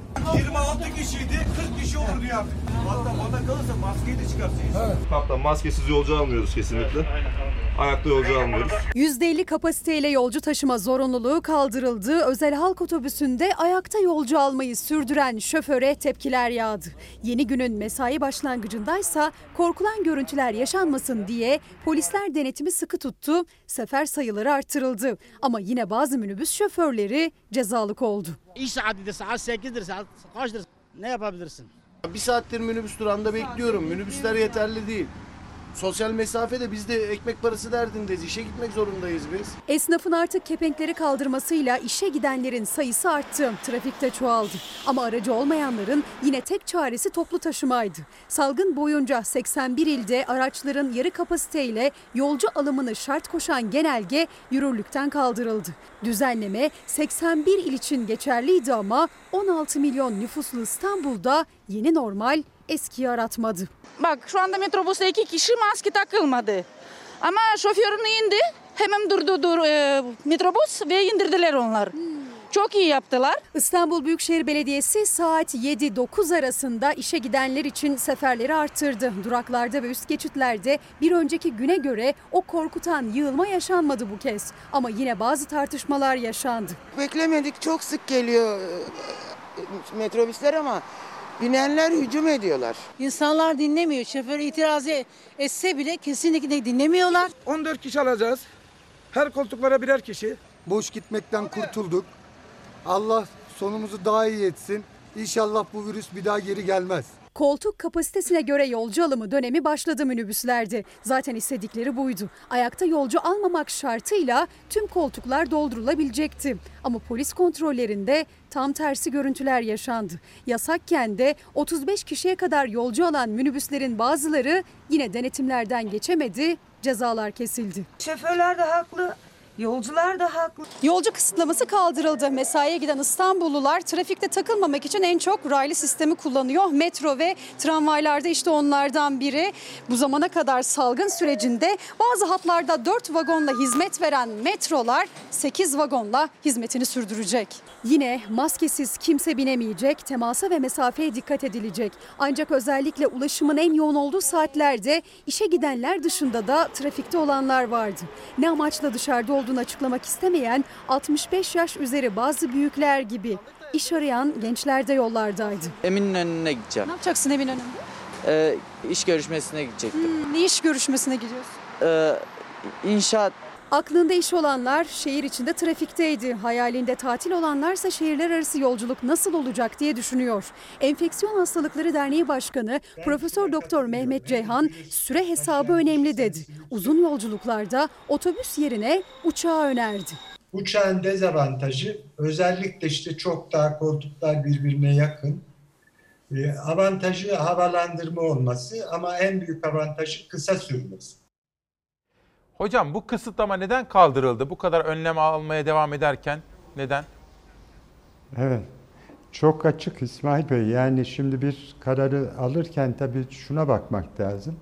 Bu İstanbul'da örneğin e, bu 10 Mart'tan önce yani bu Covid salgını başlamadan önce zaten insanlar bu, bu şartlarda ancak işlerine gidebiliyorlardı. İşte tıklım tıklım minibüslerde dolu, ayakta hı hı. yolcu da dahil binerek otobüslerle ancak metro ile ancak gidebiliyordu. Şimdi böyle bir karar aldığımız zaman yani tamam bütün iş yerlerini açtım. Mesai düzeni aynı ve siz işinize gideceksiniz dediğiniz zaman hani ya araba sayısını artıracaksınız ve böyle bir şey mümkün olmadığına göre geriye bir şey kalıyor. Mesai düzenlemesi yapılabilirdi. Yani basamaklandırarak işte bir grup 8'de, bir grup 9'da, bir grup 10'da, bir, bir grup 11'de gibi. Sonra bunların çıkışları da ayarlanabilirdi. Ya da işte böyle vardiya usulü çalışmaya dönülebilirdi. Bunu yapmadan zaten yarı yolcu alacaksınız demek o İstanbul'un yarısının işine gidememesi anlamına geliyor. Şimdi bunu yapamayınca tabii bu görüntülerin ortaya çıkması kaçınılmazdı.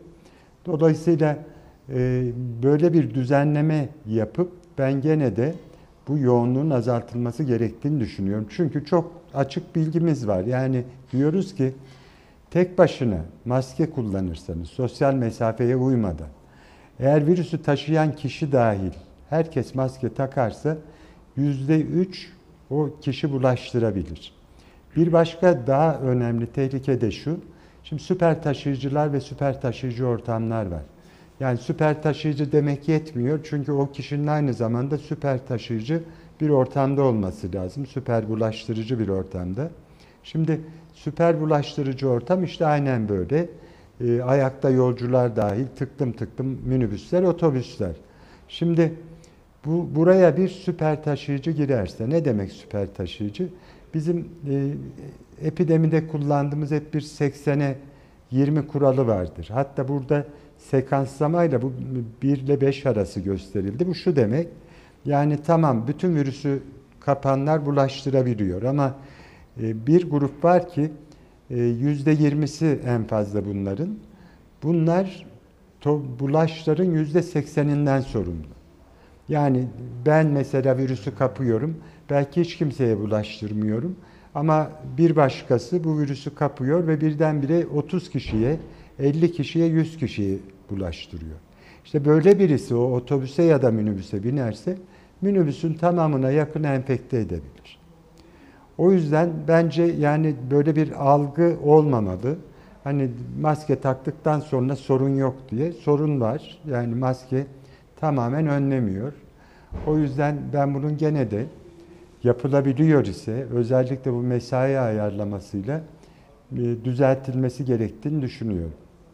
Hocam o zaman doğru anlıyorum değil mi? Bütün ne yaparsak yapalım, araba olsun, dışarıya çıkmak olsun, bir maske, sosyal mesafe ve evet. kimseyle tokalaşmıyoruz. Ayrıca hijyen. Budur değil mi işin özü? Evet. Evet aynen. Zaten sosyal mesafe olursa tokalaşmıyorsunuz. E, el hijyeni de zaten sadece Covid-19 için değil. Elimizden yüzlerce farklı mikrop bulaşıyor bize. El en önemli bulaş kaynağıdır. E, onu yapıp maskeli, mesafeli yaşamada dikkat edersek aslında hiçbir tehlike yok. Tamam. Bu virüste yürümüyor, uçmuyor. Yani böyle durup dururken gelip hasta etmiyor bizi. Hocam iyi ki varsınız. Çok teşekkür ediyorum. Mehmet Ceyhan hocamız aynı zamanda Enfeksiyon Hastalıkları Dernek Başkanı. Çok toplum size çok güven duyuyor. Ben de bu sabah sizin şahsınızda bütün Sağ sağlık çalışanlarını saygıyla, içimdeki o teşekkür duygularıyla selamlıyorum. Sağ olun, var olun hocam. İyi yayınlar diliyorum. Çok teşekkür ediyorum. Şimdi bugün Nazım Hikmet günü. Savaş ver bakalım Nazım Usta'yı, büyük ozanımız. Ama kitaplarla uğurlayalım. Bugün de Cevher Özden, Kastelli ve ben, Gürsel Atalay yazmış. Bir zamanlar Kastelli vardı hatırlıyor musunuz? Gündemde yani. Ajitasyonun retoriği Zeki Irmak. Toplumsal Hareketler ve Medya Salih Tiryaki yazmış. Tam da zamanla uygun kitaplardan birisi. Ve bakın Mavi Gözlü Dev Nazım Hikmet'i anıyoruz. Şimdi büyük usta aşkı şöyle tanımlıyor sevdiğine. Ben sende imkansızlıkları sevdim. Ben sende imkansızlıkları sevdim ama asla ümitsizliği değil. Saat Saat 21'i vuranda Burada kampanalar çalardı. Burada Burada hasret ve dert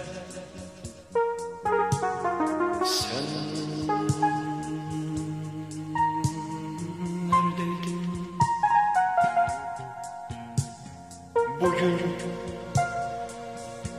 Bugün görüş günümüz. Herkes geldi Sen neredeydin? Aynı daldaydık Aynı daldaydık. Aynı daldan düştük ayrıldık Aramızda yüzyıllık zaman Yol yüzyıllık Aynı daldaydık Aynı daldaydık Aynı daldan düştük ayrıldık.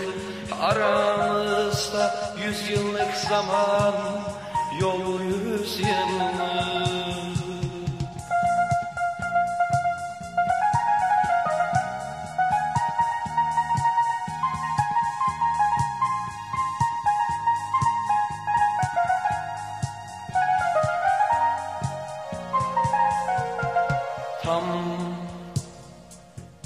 Tam yüz yıl oldu yüzünü görmeyeli Gözlerin içinde durmayalı Dokunmayalı Sıcaklığına karnının Tam yüz yıldır bekler beni Bu şehirde bir kadın dokunmayalı. Sıcaklığına karnının Gözlerin içine girmeyeli. Aynı daldaydık, aynı daldaydık Aynı daldan düştük, ayrıldık. Aramızda yüz yıllık zaman Yol yüz yıllık. Aynı dal